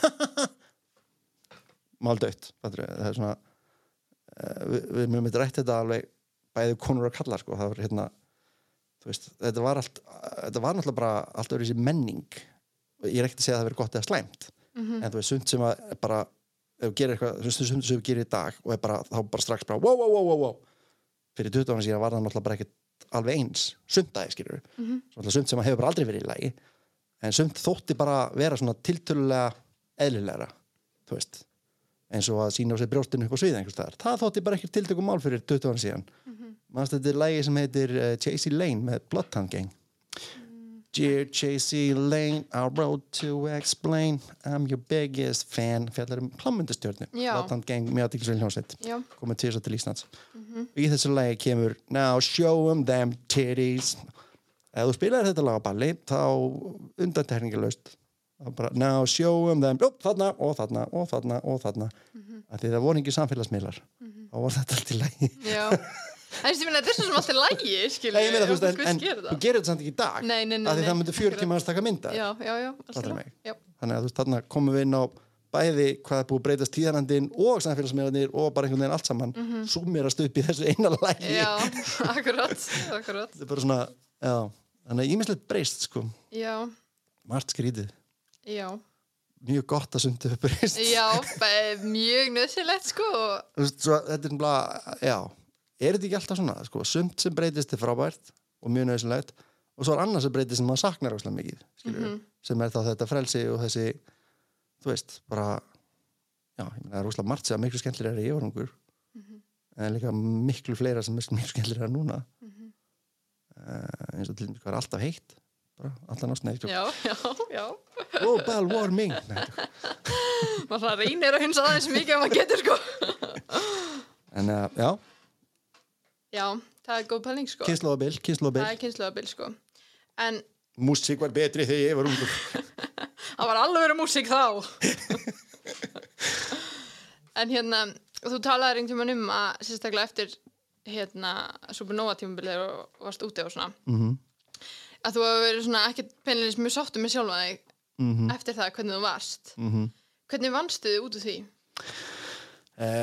sko, þegar maður verður ógeðslega frægur ógeðslega hratt og ég er ekki að tala um að fá mörg like ég er bara að tala um að vera viður styggilega frægur á 0-1 sem kom fyrir mig og það kom fyrir mig, ég vann mér það ekkert inn skil, það var ekkert, það var ekkert eitthvað ég gerði ekki neitt, ég, þú veist, ég fór bara í þrjá mánuð og söng nokkur lög en það greip sig eitthvað svona æði, þú veist, ég var svo keiko þetta var, bara, þetta var ekki þannig að ég hefði bara breyst sem manneski og gert eitthvað rosa mikið þú veist, ég kleif ekkert fjall eða þú veist, ég seldi ekki 25.000 plötur eins og Múkisson eða eitthvað, ég bara fór að sögna okkur lög en að því að vera í keppni þá skilur við þá- Sjónvarpinu. já, að því að vera í sjónvarpinu sem er svona sambarinlegt við já, eitthvað í dag en og, sko, ég var viður styggilega frægur þá bara svona, ég gæti ekki farin í miðbæra Reykjavíkur til dæmis ok, í bara tvö ár ég reyndi það alveg óvart af því ég fattaði bara ekki þú veist, ég fóð með sko, ég var í partíi með vinnum mínum eða svona mánuður eftir ég kom heim var bara í partíi með vinnum mínum og bara ekki búin að hitta á lengi og rosa gaman og við höfum ekki verið svona 15 bara, og svo bara eins og gerist er ekki að klukkan eitt eða eitthvað þá bara, að, við höfum í bæ og þetta bara, ei, við höfum í bæ og ég bara, já, við höfum í bæ og það er á mig, þú ert ekkert að fara í bæ jú, þetta er ég að fara í bæ, hvað kæft er þetta við erum alltaf frá þetta í það og svo bara koma leigu, fyrir upp á leigubílum og stoppum og svona 30 sekundum eftir ég fer hún út úr bílnum þú veist, þá eru bara komin svona þú veist, mörg hundruð manns bara svona bara í kringum minni á Ingolstorki eða eitthvað og vini mín er búin að búið til svona skjöld í kringum mig ok það bara rann af þeim, þeir eru svo bara hvað er að gera þetta og þá mér er bara hent aftur inn í bíl og bara fara með hann heim, þú veist já, þannig að þannig rögl sko já, sem að ég skil ekki ennþá hvað, þú veist, hvað gekk á svo náttúrulega bara réttlast það af skilur, kemur bara eitthvað annað skemmtilegt, keiko eða eitthvað, ég man ekki hvað það var Mhm, en ég, meina, ég man alveg eftir þessu þó að ég hef verið unga á þessum tíma þú veist, það var bara magni já, þetta var ruggla sko en ég náttúrulega var aldrei var við þetta að því ég var úti já, í raunveruleika þætti en ég sá aldrei neitt svo kem ég bara heim og bara, er ekki allir hressir? og bara, ah, wow, hei, byttu, byttu, byttu, hvað gerist? Þú veist, fyrir mér var þetta líka bara eins og ég hefði farið bara og lagt mig og komið tilbaka og það heiminu verið komin á kvolf sko, af því að ég var ekki með í þessu sem þið gerði sko, Já. eða sem sagt fóröldreinir eða eitthvað já, þú veist, ég var alveg með sko. þannig að hérna, þannig já, ég sem sagt gæti ekkert farið neyri miðbæra ekki eitthvað bara í tvö ári eða eitthvað sko. ok, bara nema með lífverði eða eitthvað varstu með lífið eða okkur Nei, nei, ég bara fór bara ekkert Ég hefði þurft að ef ég ætla að gera eitthvað Ég var bara heima á Já, mér Nei, ég bara, Þetta var bara of mikið fyrir hausinn á mér Þannig að ég vann mig bara út úr þessum með að eiga yndislega konu og yndislega lítið vatn og og frábæra fjölskyldu og vera bara sem mest út af fyrir mig og með vinum mínum held ég Þetta var bara svona ég, get, ég, veist, ég fór ekki til sálfræðings eða eitthvað svoleiðis, þetta bara, þetta einhvern veginn lagaðist já, bara, ég viltist og svo fann ég leiðin aftur heim þetta er bara þannig sko já þú varst ekki að gera einhver svona æfingar eða eitthvað svona Nei. göngutúra eða eða Nei, eitthvað svona ég- Þetta var skýtfari svona göngutúrum Já, þetta er einlega að láta mig fá saminskapiti hvað reyðum við lítið það. nei, nei, nei, nei Ég lappa alveg með barnavagnin eða eitthvað sko. já, já, já, Nei, nei, ég hérna, ég bara, já, sem ég segi, ég held að, að bara verið kona mín, mestmengli sem að lagaði með aftur. Hún er mjög góðið því. Hún er, hún er hérna, hún er, hún er vitin minn á alla mögulega vegu, hún er miklu vitrar en ég líka. Hún er, hún er alviti. Já. en hvernig var þetta, þú veist, eins og þú varst úti uh, varstu orðin svona frægu þá, þú veist, tökst ekki eftir eitthvað eftir því, Nei, þú varst ekki- komin út úr búblinni Ekki, já, mennur bara áðurinn kom heim, eða sem sagt, já, þú veist, ég veit að fyrst ekki að vita mikið Nei, við En náttúrulega varst í vissum, þáttunum? vissum náttúrulega bara ekki neitt af Nei. því að þetta er sko, grundvallar atriðið með raunveruleika þetta er náttúrulega bara að, að sem sagt, viðkomandi má ekki vera með í því Mhm. mm sagt, þú veist, þetta, þú verður að vera svona flug á vegg annars fer allt í fjanda sko, þú veist, annars verður að reyna annars verður að reyna að hegða þér einhvern veginn þú veist, til þess að þóknast sjónarpinu sko. -hmm. þannig að þetta verður að vera alveg bara já ég til dæmis eftir að, eftir að teku þátt í svona raunveruleika þetta þá getur ekki hort á þá ég hef heyrt það að því að þú veist, þú veist þú, þú, þetta er bara svolítið eins og ef þú vinnur sem tónlistamæður þá heyrir þú tónlist ekki eins mm ég til dæmis ekki geta notið þess innilega að vera á tónleikum síðan ég spilaði fyrst á tónleikum mm því þú fer að hugsa bara já, akkur heyrist ekki þess mér bassan eða, já, ok, notaði þetta, já, ég hef ekki notað þetta já, flott, já, skemmtileg hvernig ég nota þú veist, þú er búin að eyðilega þetta sko eins og þú, þegar þú hlustar á podcast sennilega ekki nota góða mæk eitthvað Já, ég er hann með dansinn sko ég horfði á sýningu, ég er bara "Ah, hvað er þess að gera og svo bara þetta er geggja, hvernig er að ná þessu Já. hvernig gera þetta, en ég þarf að vita hvernig ég gera þetta og svo bara, ah, hvað er þetta, Þú veist, þetta er en hræðið áður en hún þú veist, áður en hún gerir þetta Já. Mhm. en svo, en svo bara ef ég horf á dans þá bara svona wow, mm ég er þannig með tónlist, ég já, Mhm. er ef bara að þú snill ferð á mjús eða eitthvað bara wow ég, við erum bara að hugsa um hvernig bassatrömmusandi er sem er alveg rosalega leðilegt Já, Mhm. þetta er og, og, og ógeðslega þegar byrjandi maður fattar það sjálfur bara hætt að hugsa um þetta, hlustaði bara Mhm. en þetta er einmitt sko alltaf þú sér viðtöl við fólk til dæmis, ég var að horfa á The Block í Já. gerð, skemmtileg þetta Geggjaðir. og þá voru þau eitthvað bara well, I didn't know that he was gonna þetta viðtal er tekið eftir að þetta gerðist sem sagt, þú Mhm. veist nákvæmlega hvað þetta tala um og hvað gerðist svo vegna þess að það er ekki eins og þau eru bara að vera kift út og tekið þetta viðtal og svo haldið áfram skilur veist, það fór einhverju að rífast og svo kemur viðtal eins og þeir hafa ekki farið að rífast og svo talað um, eða skilur hvað ég meina Já, já, já, en þá sem sagt, ég hef farið í svona viðtöl þúsund sinnum ok segðu mér nú í þínum eigin orðum hvað það var sem þessi sagði við þennan og líst, þú veist, maður bara, mhm, mm akkur skrifa þetta ekki bara á blað fyrir mig og ég les það fyrir þig það er miklu Ok. fljótlegra, Já, af því að þú ert það er verið að ma, ef skilur mig já, já, já, það er sem sagt ekkert órumverulegra heldur en raunveruleika þá shit maður og þá er búið að eðilega þetta fyrir manni Já, þú veist, þetta er engin, það er enga tilviljanir sko, skilur mig, þetta er ekki Mhm. maður horfir á Love Island og bara oh, þessi, bj- jú, ég bjóstu þessi, ég sé hann Mhm. ég horf ekki á Love Island bestu Magni Horror Love Island Já. sem er titillinn. það er beint á divaf Guður geggjað þættir, Bachelorette betri en það verði að segja Er það? Já, ég verði að segja ok. það Við Reyndum ekkert hérna að horfa þess að þetta í tilhugalífinu fyrir hundra ára síðan. Já. Mm. Það er Bara, og, og Survivor, hvernig er það ennþá, er það ennþá til eða? Ég veit það ekki Shit, hvað Já, til margar- örugglega, margar sko. seríur um Survivor, maður. Já, ógeðslega margar Fun fact, Survivor Mm. er sem sagt sama og Rockstar. Já, ok, sami, maður Sami framlegandi. Já, framlegandi, já Og, og bara sama krú. Ok, Því að ég, ég, ég er svolítið svona, mér finnst miklu skemmtilega að umgangast rótarana heldur en, eða skilur, Já, þannig ég já, já. er alltaf að spjalla við kamerugörun og Já. eitthvað.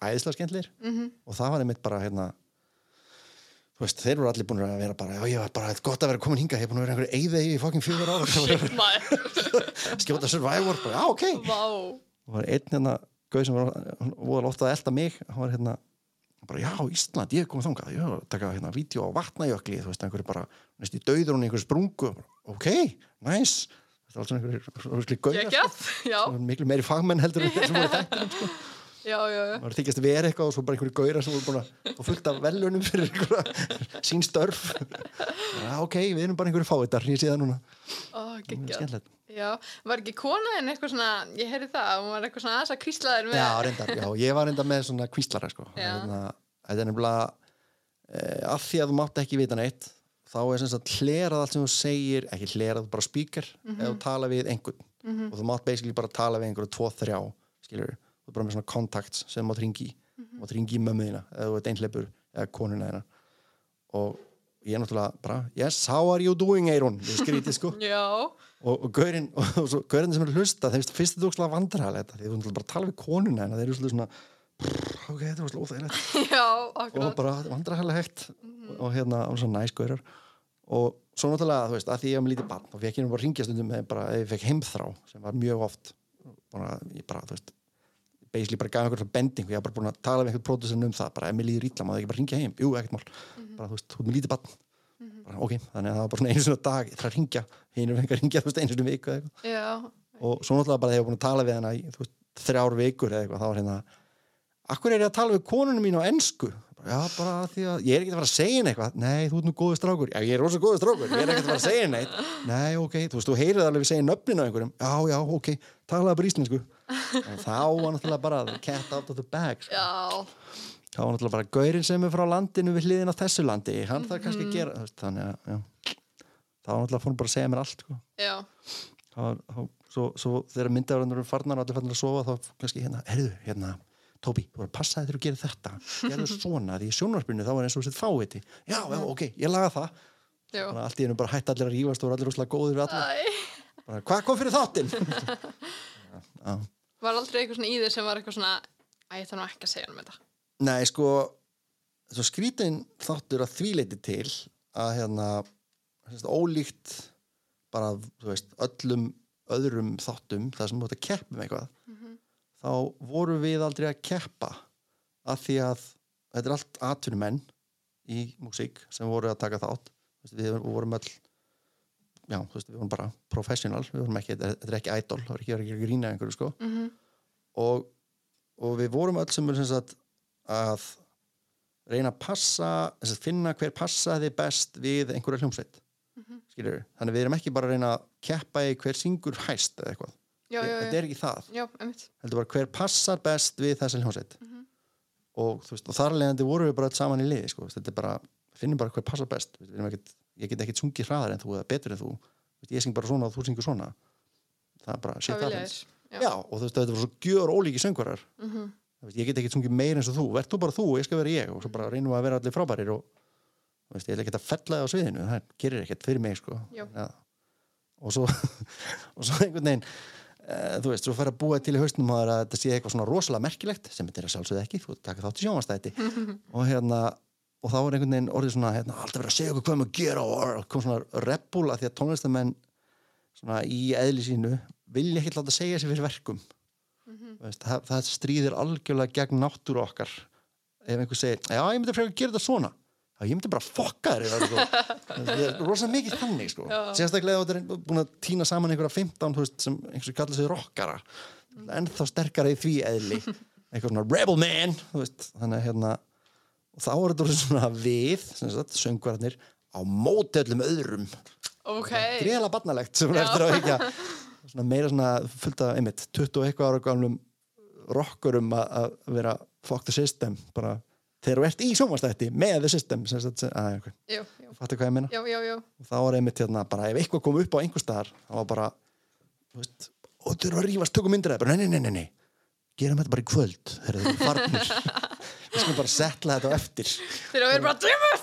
Já, það var alveg bara, það var í álunni, það voru bara haldið krísufundir, það var bara, krakkar, viljið þið hætta þessu, við erum að reyna að gera raumurleika þátt.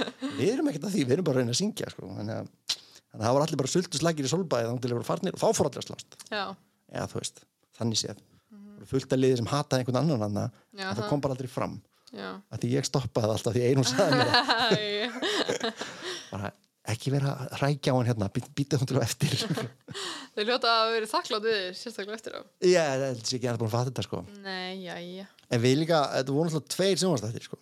Þú veist, Já. þetta er Rockstar, þú veist, Supernova sem er þessi þáttur sem við erum í sem er að þú veist, syngja og gera eitthvað sem er tekin upp, þú veist, einhverstaðar í CBS Studios bara, bara við hliðin á Jalen og eitthvað og svo er hinn þátturinn sem er þetta heima kjartaði hérna, sem er bara verið eldaði með myndaður það er ekki skemmtilegt Mhm. Þú veist, það er ekki, hérna, það var ekki það sem við vorum að taka þátt í sko. Já, já, það var bara svona bónus fyrir, fyrir fólki heima sko. Mhm.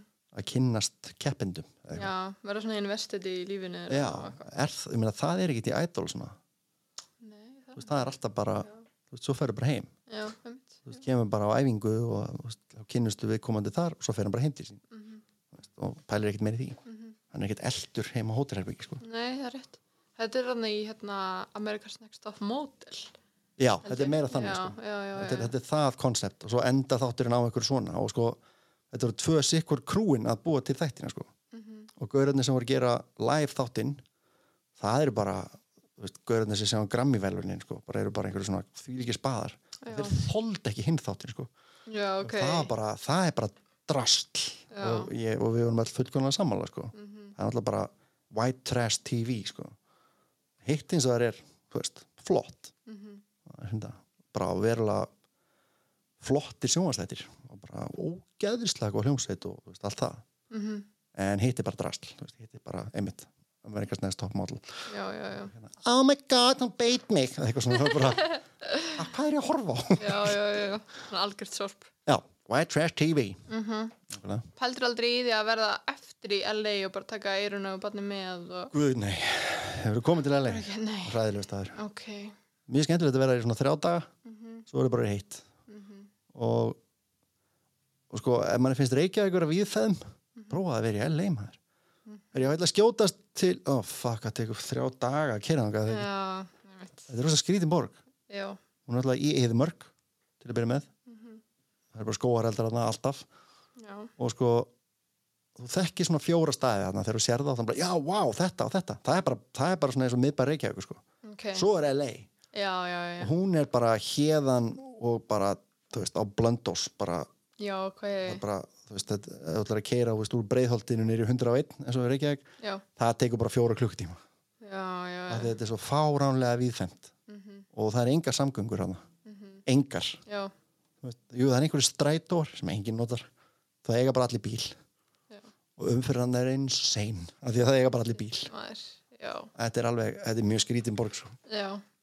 það er bara, það er eins og sé, ein- það er engu dotti í huga að byggja hús sem er meir en tvær hæðir Já, þetta er allt bara hús já, svona bara- luxus eitthvað. nei, bara þú veist, það er alveg saman þóttu sér bara ei, gringó, þú veist bara, ei, enga penning þá áttu samt bara svona lítið hús Ok, Þú veist, þetta er bara hús og það búa bara fokkin ég veit ekki hvað búa margir hann 10 miljónir eða eitthvað bara shit, í húsum þannig að drýmið það hvað þarf að dreifa úr þeim já, já, þetta er svona oh. já, einmitt. Bara heim til agriðar. já, svo skildi við aldrei sko bara, já, það er partí hérna, já, ok ef við taka leigubíl, nei, það kostar 500.000 eða eitthvað betur ef það bara að fara á bílnum eða, já hvað hefur svo að gera við bílinn? það veit ég ekki, við erum bara að ná í en bara klukkan átta í fyrramálið lappandi, eða- ég skil þetta ekki Shit, maður. þetta er allt svona, þetta er allt þannig sko já, Já, já, já. þetta er mjög skrítið borg Þú lukkar bara að vera með svona mjög mikið sjálfströst alltaf. Er, hefur það alltaf verið eða... nei, alls ekki, þetta er bara mjög góð gríma ég er bara svona brún nei, þetta- Akaríska skólinn? Já, nei, nei, ég hérna um, Nei, ég, aldrei, ég var aldrei með neitt sjálfströst Mér leði alltaf mjög illa með sjálfa mig og var alltaf mjög vandræðilegur og, og þess vegna eiginlega var ég með gítara því að ég alveg bakveðan Gítar er skjöldu, sko Það er svona, þú, veist, þú, þú ert ekki einn ef þú ert með gítar framan að þér, það er mjög skrítið Ég var svona meira Jim Morrison, Eddie Vedder einhvern veginn vandræðilegur og sviði, sko Ok, og leið bara illa þannig séð en samt alltaf svona samt skár upp á sviðinu heldur en ekki Sem sagt, þá er ég allavega komin bara í minn einn heim mm. mér lí- alltaf liðið mjög óþægilega í kráti sko. já, ég skil. mér finnst ekki gott að vera innan um mikið af fólki nema ég sé upp á sviðið og séu allir fyrir fram að mig sem er mjög skrítið Þú veist, það, var einhvern veginn svona, það einhvern veginn varð minn staðu til að vera á og hérna en svo einhvern veginn einhvern veginn bara svona með árunum og aldrinum þá er ég bara orðin miklu meira örugur með sem sagt ég er bara búin að fatta eitthvað finnst mér sem sagt sem að er fyrst og fremst að það skiptir engu fucking máli hvað öðrum finnst og, og þú veist ég hef aldrei verið cool ég hef aldrei nefnt að klæða mig eitthvað ég, veist, ég er bara í adidaskóm þannig til er ónýtir og þá fæði mér aðra adidaskó ég er búin að vera í þessum hérna Nei, ég, þú veist, ég er bara búin að eiga sömu sviðsfötin, æ, skilur mig, þú veist, Jú, ég er jú. ekkit, ég, eh, bara, ég þarf voða lítið að pæla í hárgreislum. Svona, Þetta hafa ekki byrjað þá. Ég, bara þegar þú er búin að sætta þið við á sér sköllin okkur, þá verður bara miklu örugar með sjálfa þig eða eitthvað. Já, Nei, ég er bara, þú veist, ég er búin að átta mig á því að, hérna, þú veist, ég er búin að vera popparinn á Íslandi, ég er búin að vera svona semivinsæll og búin að vera ógeðslega vinsæli rockstargöyrinn og búin að, þú veist, gera þann anskotan, en, en, þú veist, ég er pappi, þú veist, ég er fjóra barna faðir, það er bara starfið mitt þú veist, og allt hitt skiptir einhver fokki máli þegar þú er búin að, að þú veist, ok, það skiptir auðvitað máli en, en það verður ekkert það verður engin kvöð þú veist, þegar þú komið ábyrð eins og þessa þú veist, að eiga fjóra stráka fjóra stráka, mælið því vá, það er ágætis leita mínu heimli orkum ekki heimli. Aha, að, þú veist, þá hérna þá er þeir kannski drullu sama hvort að einhver sá mynda þeir með þú veist love handles á Instagram eða eitthvað who gives a shit, skilur bara þetta er ekki góð mynda mér, mér er drullu sama skilur þetta er bara, og hvað Já, í, í hinnu stóra samhengi lífsins hvaða helvítismáli skipti hvað þeir finnst er þetta ekki svolítið þannig?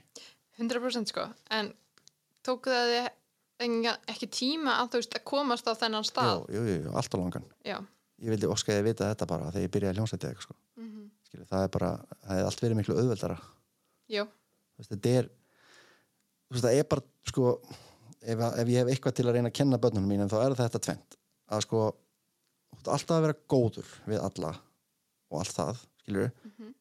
en það skiptir einhver máli hvað öðrum finnst um þig sem sagt að sjálfsögðu skiptir að máli að þú ert að vera góð manneski og allt það skilur, Mhm. ef einhverju finnst þú vera astni að því þú ert leiðinlegur við hann það er ekki rétt, en sem sagt þú skilur hvað ég meina, það, Já, já, þú já. það skiptir einhver máli hvað öðrum finnst um eitthvað sem þér finnst allir lagi, skilur, Já. eða sem sagt ef að það meika sens, Mhm, já, og hitt er að peningar skipta engu fokki máli Mhm. þú er bara að eiga nót til að borga reikningana og þá ættu bara að hafa gaman já, meika það sens mm uh, það er endur eitthvað sem þú verður bara að gera þegar þú tónlistum maður já, aldrei eftir að eiga neitt pening en bara, þú veist eh, eins og einhver sagði þarna allt upp fram eh, öll, allt upp fyrir fimm í einhvern er bara aukavinna já. Nei. Það fá það greitt í yfirinu sko. Já, nei, nei, þetta er, þetta er ég er búin að finna mína lífsbeki ég er eitthvað með að koma út um mér en, en já, ég held Ég að það skil sé hvað þetta ertu að fara, öryggi sko. sem þú meinar Já, það er bara mjög gott sko. En eins og þegar þú varst þá að byrja að spila og svona, mm. varstu þá mjög óörug með Já, mjög sjálfa þig? já, já, ég bara ef ég sé, þú veist, ef ég sé uh, myndbönd eða eitthvað bara frá, þú veist, early years það er bara, god damn it krakki, reyðu þig, gerðu eitthvað maður, ég er bara svo dátýr í ljósunum sko. en svo einhvern veginn bara þú veist, leið mér alltaf betur og betur og betur upp á sviði og núna finnst mér ekkert skemmtilega heldur en að, þú veist, standa upp á sviði á hattinu með eitthvað og öskra á fólk sko, Já, já. bara þá líður mér vel Mm en mér finnst ennþá mér finnst ennþá eiginlega óþægilegt að fara einn með kassagítarinn eitthvað sko, Ok, já. alltaf skrítið, ég verð ennþá bara svona nett feimin og bara óöryggur Mm mér líður miklu betur í hljómsveit sem sagt, hvort sem það er á móti sól eða Kili Queen eða eitthvað sko, mhm. yfir einhver svona félagskap þú veist, það er svona eitthvað camaraderie, þetta er svona herdeild, Já, já, Bara við erum allir saman í þessu liði, mm Mhm. -hmm. við á móti þeim já, svolítið, en hérna það er allt öðru sem maður er einn með gítar sko, þá bara þá fæ ég aftur þessa tilfinningu bara, fuck, hvað er ég að fara að gera Mhm. þú veist, og er drullu nervus en þá, já. með mér skytið Ég skilða það alveg, þú veist, ég get alveg ímyndað mér að það er svo- að það er svo ógeðslega svona náið, já, ég meina, ef þú veist. eina dansa Já. Guð Það- að dansa eitthvað svona ein í heima og svo er hann mín versta nær sko. margt. Já, as opposed to að vera bara með flokknum þínum Já. einhvers staðar, bara nú ætlum við að gera þetta öll, þú veist, alla saman eða öll saman Mhm. nú ætlum bara að dansa ein gangið vel, þú, og þú mætir ein fattur þetta er ekki Já. þannig að nú dansa bara þú Já, heldur er þetta það er engin annar mm Mhm. akkurat, eru bara heima akkurat. skrítið, Já, og þetta er alltaf skrítið. Mér finnst það allavega, þú veist, mér finnst það í rauninni í... þú Veist, mér finnst það í lægi, ef því ég hef stundi gert svona sólóa, Já. ef það er sko sýning, þú veist, Já. ef það er fólk eitthvað svona að kaupa miða og það er eitthvað að horfa og það er þetta í sal. Mhm. -hmm. En ég hef stundum fengið beðin eitthvað svona, ertu ekki til í að taka dansina í ammælinu? aha Ég bara, nei, Nei, nei, nei, nei, nei, það er bara mín versta martröð eitthvað svona, og þetta er líka það sem við sennilega komum ekki til að gera aftur eftir COVID þetta er bara orðið nei, fínt Mhm, já, sammálist um það eða? já þetta er bara, að, ég nefnins ekki En- eins og einhver sagði, við látum bara einhvern yngri gera þetta Já, ungan Svo eitthvað bara byrja. krakka bara. Nei, þetta hefur auðvitað allt sinn sjarma sko, en þetta er samt svona, þetta þarf að vera sérstök stemming til að, já, en hvernig fannst þér þá að þegar þú fóst hérna, hvað hétt þetta aftur?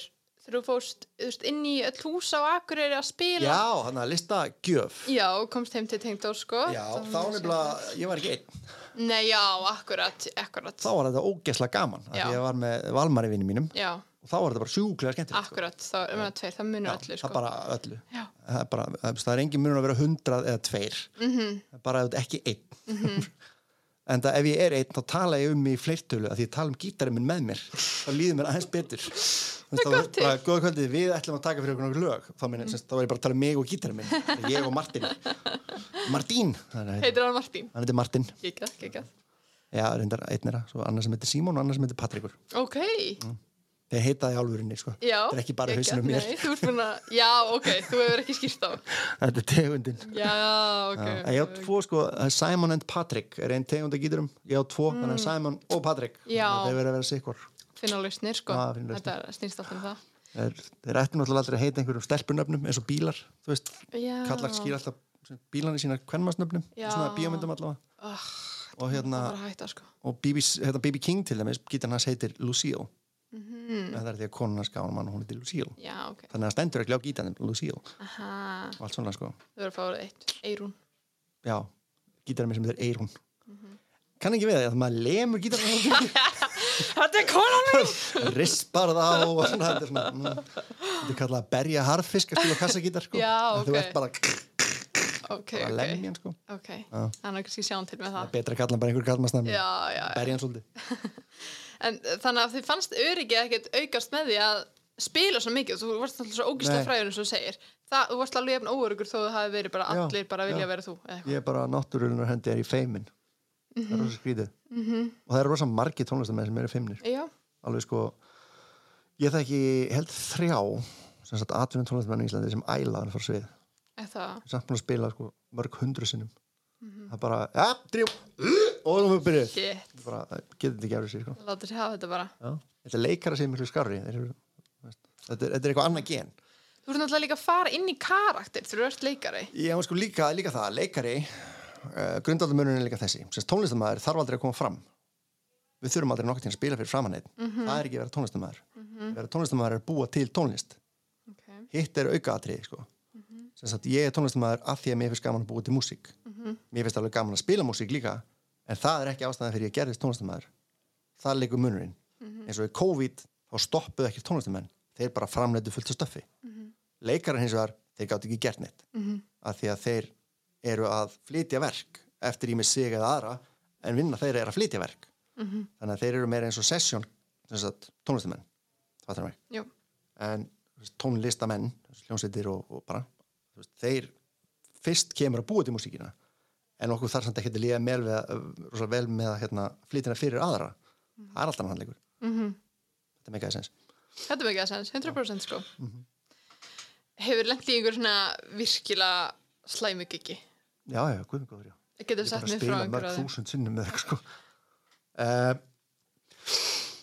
nei, þú veist, ekkit nei, reyndar þegar þú segir að ekkit, þú veist, ég held í álurinn að ég hef aldrei lent í slútti til þess með hljónstunni minni Ok. Mhm. aldrei, sem er rugglað mm -hmm. við erum ábyggilega að spila fyrir 50 manns eða eitthvað sko en við spilum við samt já, já, já, þú veist, og við einhvern veginn bara vorum hefnir alltaf sko en ég veist, bara- maður er alveg lent í giggum þar sem maður lappar inn með kassagítarinn og þú veist bara kerfið sem átt að vera það virkar ekkert og maður er bara einhvern veginn einn út í hotni að reyna að garga yfir alla og bara, "Ah, hvað er ég að gera hérna og þú veist, ég hef spilað á þú veist, spilað á böllum sem hafa voru til búið sexu morgunin um þá maður orðið bara, maður er bara döður það er bara, þú veist, það er bara að blæða úr öllum puttum og röddin er farin og þú ert ennþá bara på sviði bara, hvað er að fucking gera hérna, hvað eru við hérna og hérna, sko verstu gíkin eru samt þegar þú verður rallus sem hefur komið fyrir Já. nokkuð sinnum gerist aðalega í gamla dag þegar maður var að taka kannski 100 böll á árið eða eitthvað sko -hmm. Mhm, þá, bara, þá bara kemur að þeim punktið að röddin í þeir bara hættir það er vond tilfinning það er svona svolítið eins og að reyna að dansa fótbrotinu sko. Mhm. það er bara, Já. en þú þarft samt að gera það Mhm. þannig að það er það sko Já, þú getur ekki tækt Mhm. það er vandamálið bara ég myndur að vera að taka snúning og það bara á, ég breyta mig nýð ja, best að klára þetta dans það er bara, maður er bara þetta er svo sárt og þegar þú missir röddina Mhm. það fyrir að syngja með allt öðrum vöðvum sem þú átt ekki að nota til að syngja sko. já, Þú veist, þú fyrir að syngja bara með maganum og bara öskra og bara allir vöðvar herpast og þú var höfuverk og bara og svo er þetta bara allir þessi viku og, og sko þegar þú ert að reyna að æla út úr þessum orðum þá er maður bara hvað er ég að gera hérna það er ræðilegt sko já, þá er bara eins og þú veist ég- þér finnst þið vera sko út að bregðast öllum bara þú veist hljómsveitinni og gestónum og bara öllum það er ógeðslega tilfinning og það er hérna sem betur fyrir er ekki komið mjög oft fyrir en shit hvað það er vond og það finnst líka bara að koma fyrir á stórum gegum sko ah, tjöðli maður það er eitthvað já. þannig að jú, maður hefur lent í ymsu Já, hinn og þessu sko já, En hvernig eins og, nú ertu náttúrulega ennþá að gefa út tónlist Mhm. hér og þar Hvernig finnst þér að kominni á framfæri? þetta er umlega leiðilegt Já, sko, þú veist ég reyndar hluta af þessu hérna fuck it elementi sem að maður læri með aldrinum er að hérna eins gaman að það er að, að, að þú veist, eitthvað verði vinsælt og maður eigi eitthvað lag og er svo gaman, þá hætti maður að hugsa um það eftir viss langa tíma og fer að búið til músíkina af réttum fórsendum mm Mhm. -hmm. maður hættir að hafa þennan, þessa rödd í nakkanum sem er að segja manni hérna já, þú voru að hafa þetta, þá voru að vinsælt Já, Að, já, þú veist, já. maður bara, nei, svona á þetta að vera þetta er lagið mitt, svona var það enda hef ég ekki átt vinsælt lag síðan þá en það er hérna þú veist, eh, við erum ennþá að þeirri kynslu að sko, við, við, við, við metum þetta eftir útvarspilun skilur Já. ef að lagi spila mikið í útvarpið þá eru við óslega glæðir, þú veist, þá er bara, það er gaman en ekki Spotify skilur, þú veist minna, ég til dæmis syngi í nýja þjóðtjálæginu það er verið að komið í miljón biljónir eða eitthvað já, ok, ok en þú veist eitthvað venjulegt lag með mér fer aldrei nála því skilur, það fer bara einhver þúsund skilur, það er bara einhver svona insane munur Já, og ég hef ekki einu svona reynd að skilja hvernig þetta Spotify virkar sko af því þetta er, þetta er ekki bara heppni sko, nei, það hlýtur að vera einhver algjörð æmur það er eitthvað sko með, með fötri virðingu fyrir Arne Kahn skilur sem er eindislu drengur, þá er eitthvað skrítið við að einhver plata sé bara koni miljón hlustanir eftir tvo daga á Íslandi, á íslensku það er insane Þú veist, hvernig Já. gerist það? Það er einhver algoritmi sem er skilur, ég er ekki að segja að ég ekki verið að hlusta á hann mjög mikið en, en þetta er eitthvað svona þú veist, það koma svona eitt og eitt sem tekur bara eitthvað svona dúf, veitu hvað var þetta? Þú veist, öll platan skilur, Mhm. þetta Já. er svona þú veist, hvernig virkar þetta? Mhm. Þú veist, eru öll bara, eru allir að, með þetta á repeat alltaf þetta er svona, já, svolítið klikkað Ég veit eins og að þau voru, þú veist, Instagram að einhver, eh, einhver sagði mér einhver tíman að á Instagram þá hefur ég aldrei klukkutíma til að koma, segjum við sérst að posta mynd klukkutíma til að koma henni eins langt og þú mögulega getur Mhm. já. og það ákvarðar hversu langt hún fer já, þetta er eitthvað þannig sko þannig að þetta er eitthvað svona, ég veit ekkert hvernig Spotify virkar sko en- Nei, það er örugglega einhvern veginn svipað, það virkar bara ekki neitt aðalega. okay.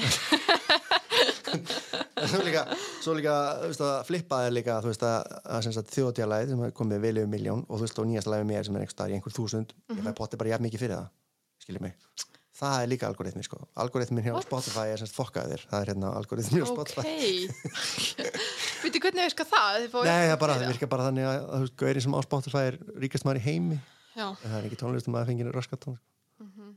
það er líka algoritmi, sko Jesus.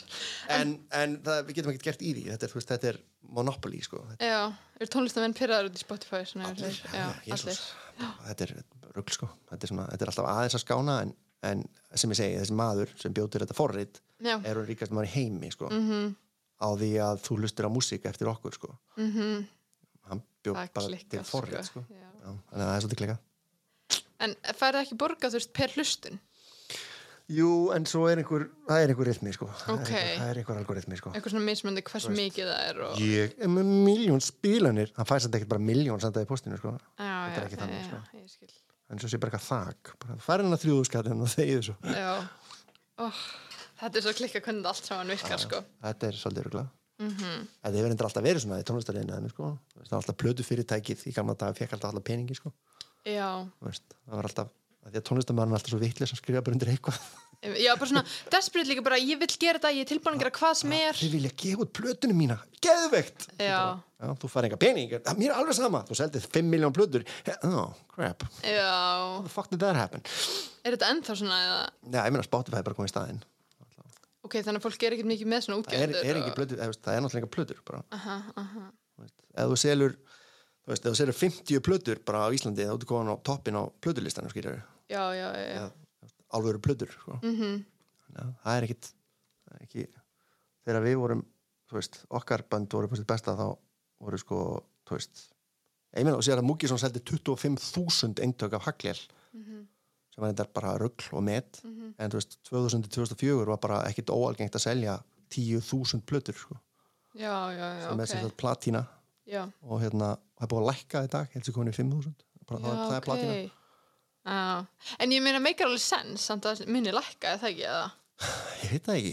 Nei, Jú, svo er, kannski ekki. veist, samt er reiknað með Spotify einhverju algoritma eða eitthvað. rugl, Sko. mhm, En þetta var samt svolítið klika, sko. Þú veist, ef þú segði 10.000 plötur í Íslandi, sem er bara svona venjuleg plata, þú veist, venjuleg írafárplata, fór í 15.000, þá var það sem sagt sambærilegt við að selja 15 miljón plötur í bandaríkunum með við höðatölu.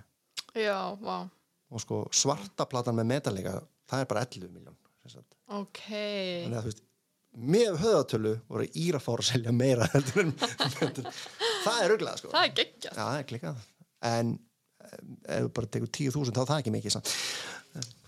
Nei, ég mitt, þullvarslega Velkomin til Íslands, höfðatala skiptir öllu Þetta er alltaf Allir svona uppistandar eru eitthvað svona að gera gríni eitthvað svona Já, af þetta er Íslandika alltaf. Per höfðatala Alltaf, en það erum við fakt ef við tökum ekki bara höfðatala Já, já, já Við erum við 300.000, já það er ekki mikið Nei, það er, það er óvinse í Danmörku Takk kærlega fyrir að koma að búa frábært að fá að spjalla við Heyrðu, ég vona það, ég man ekki eins og hvað ég barað um Þetta er bara, Þetta var bara snillt. ég, ég kveiki bara aðti í hátí og svo, bara, svo er ég bara að hugsa um eldavirna heima hjá mér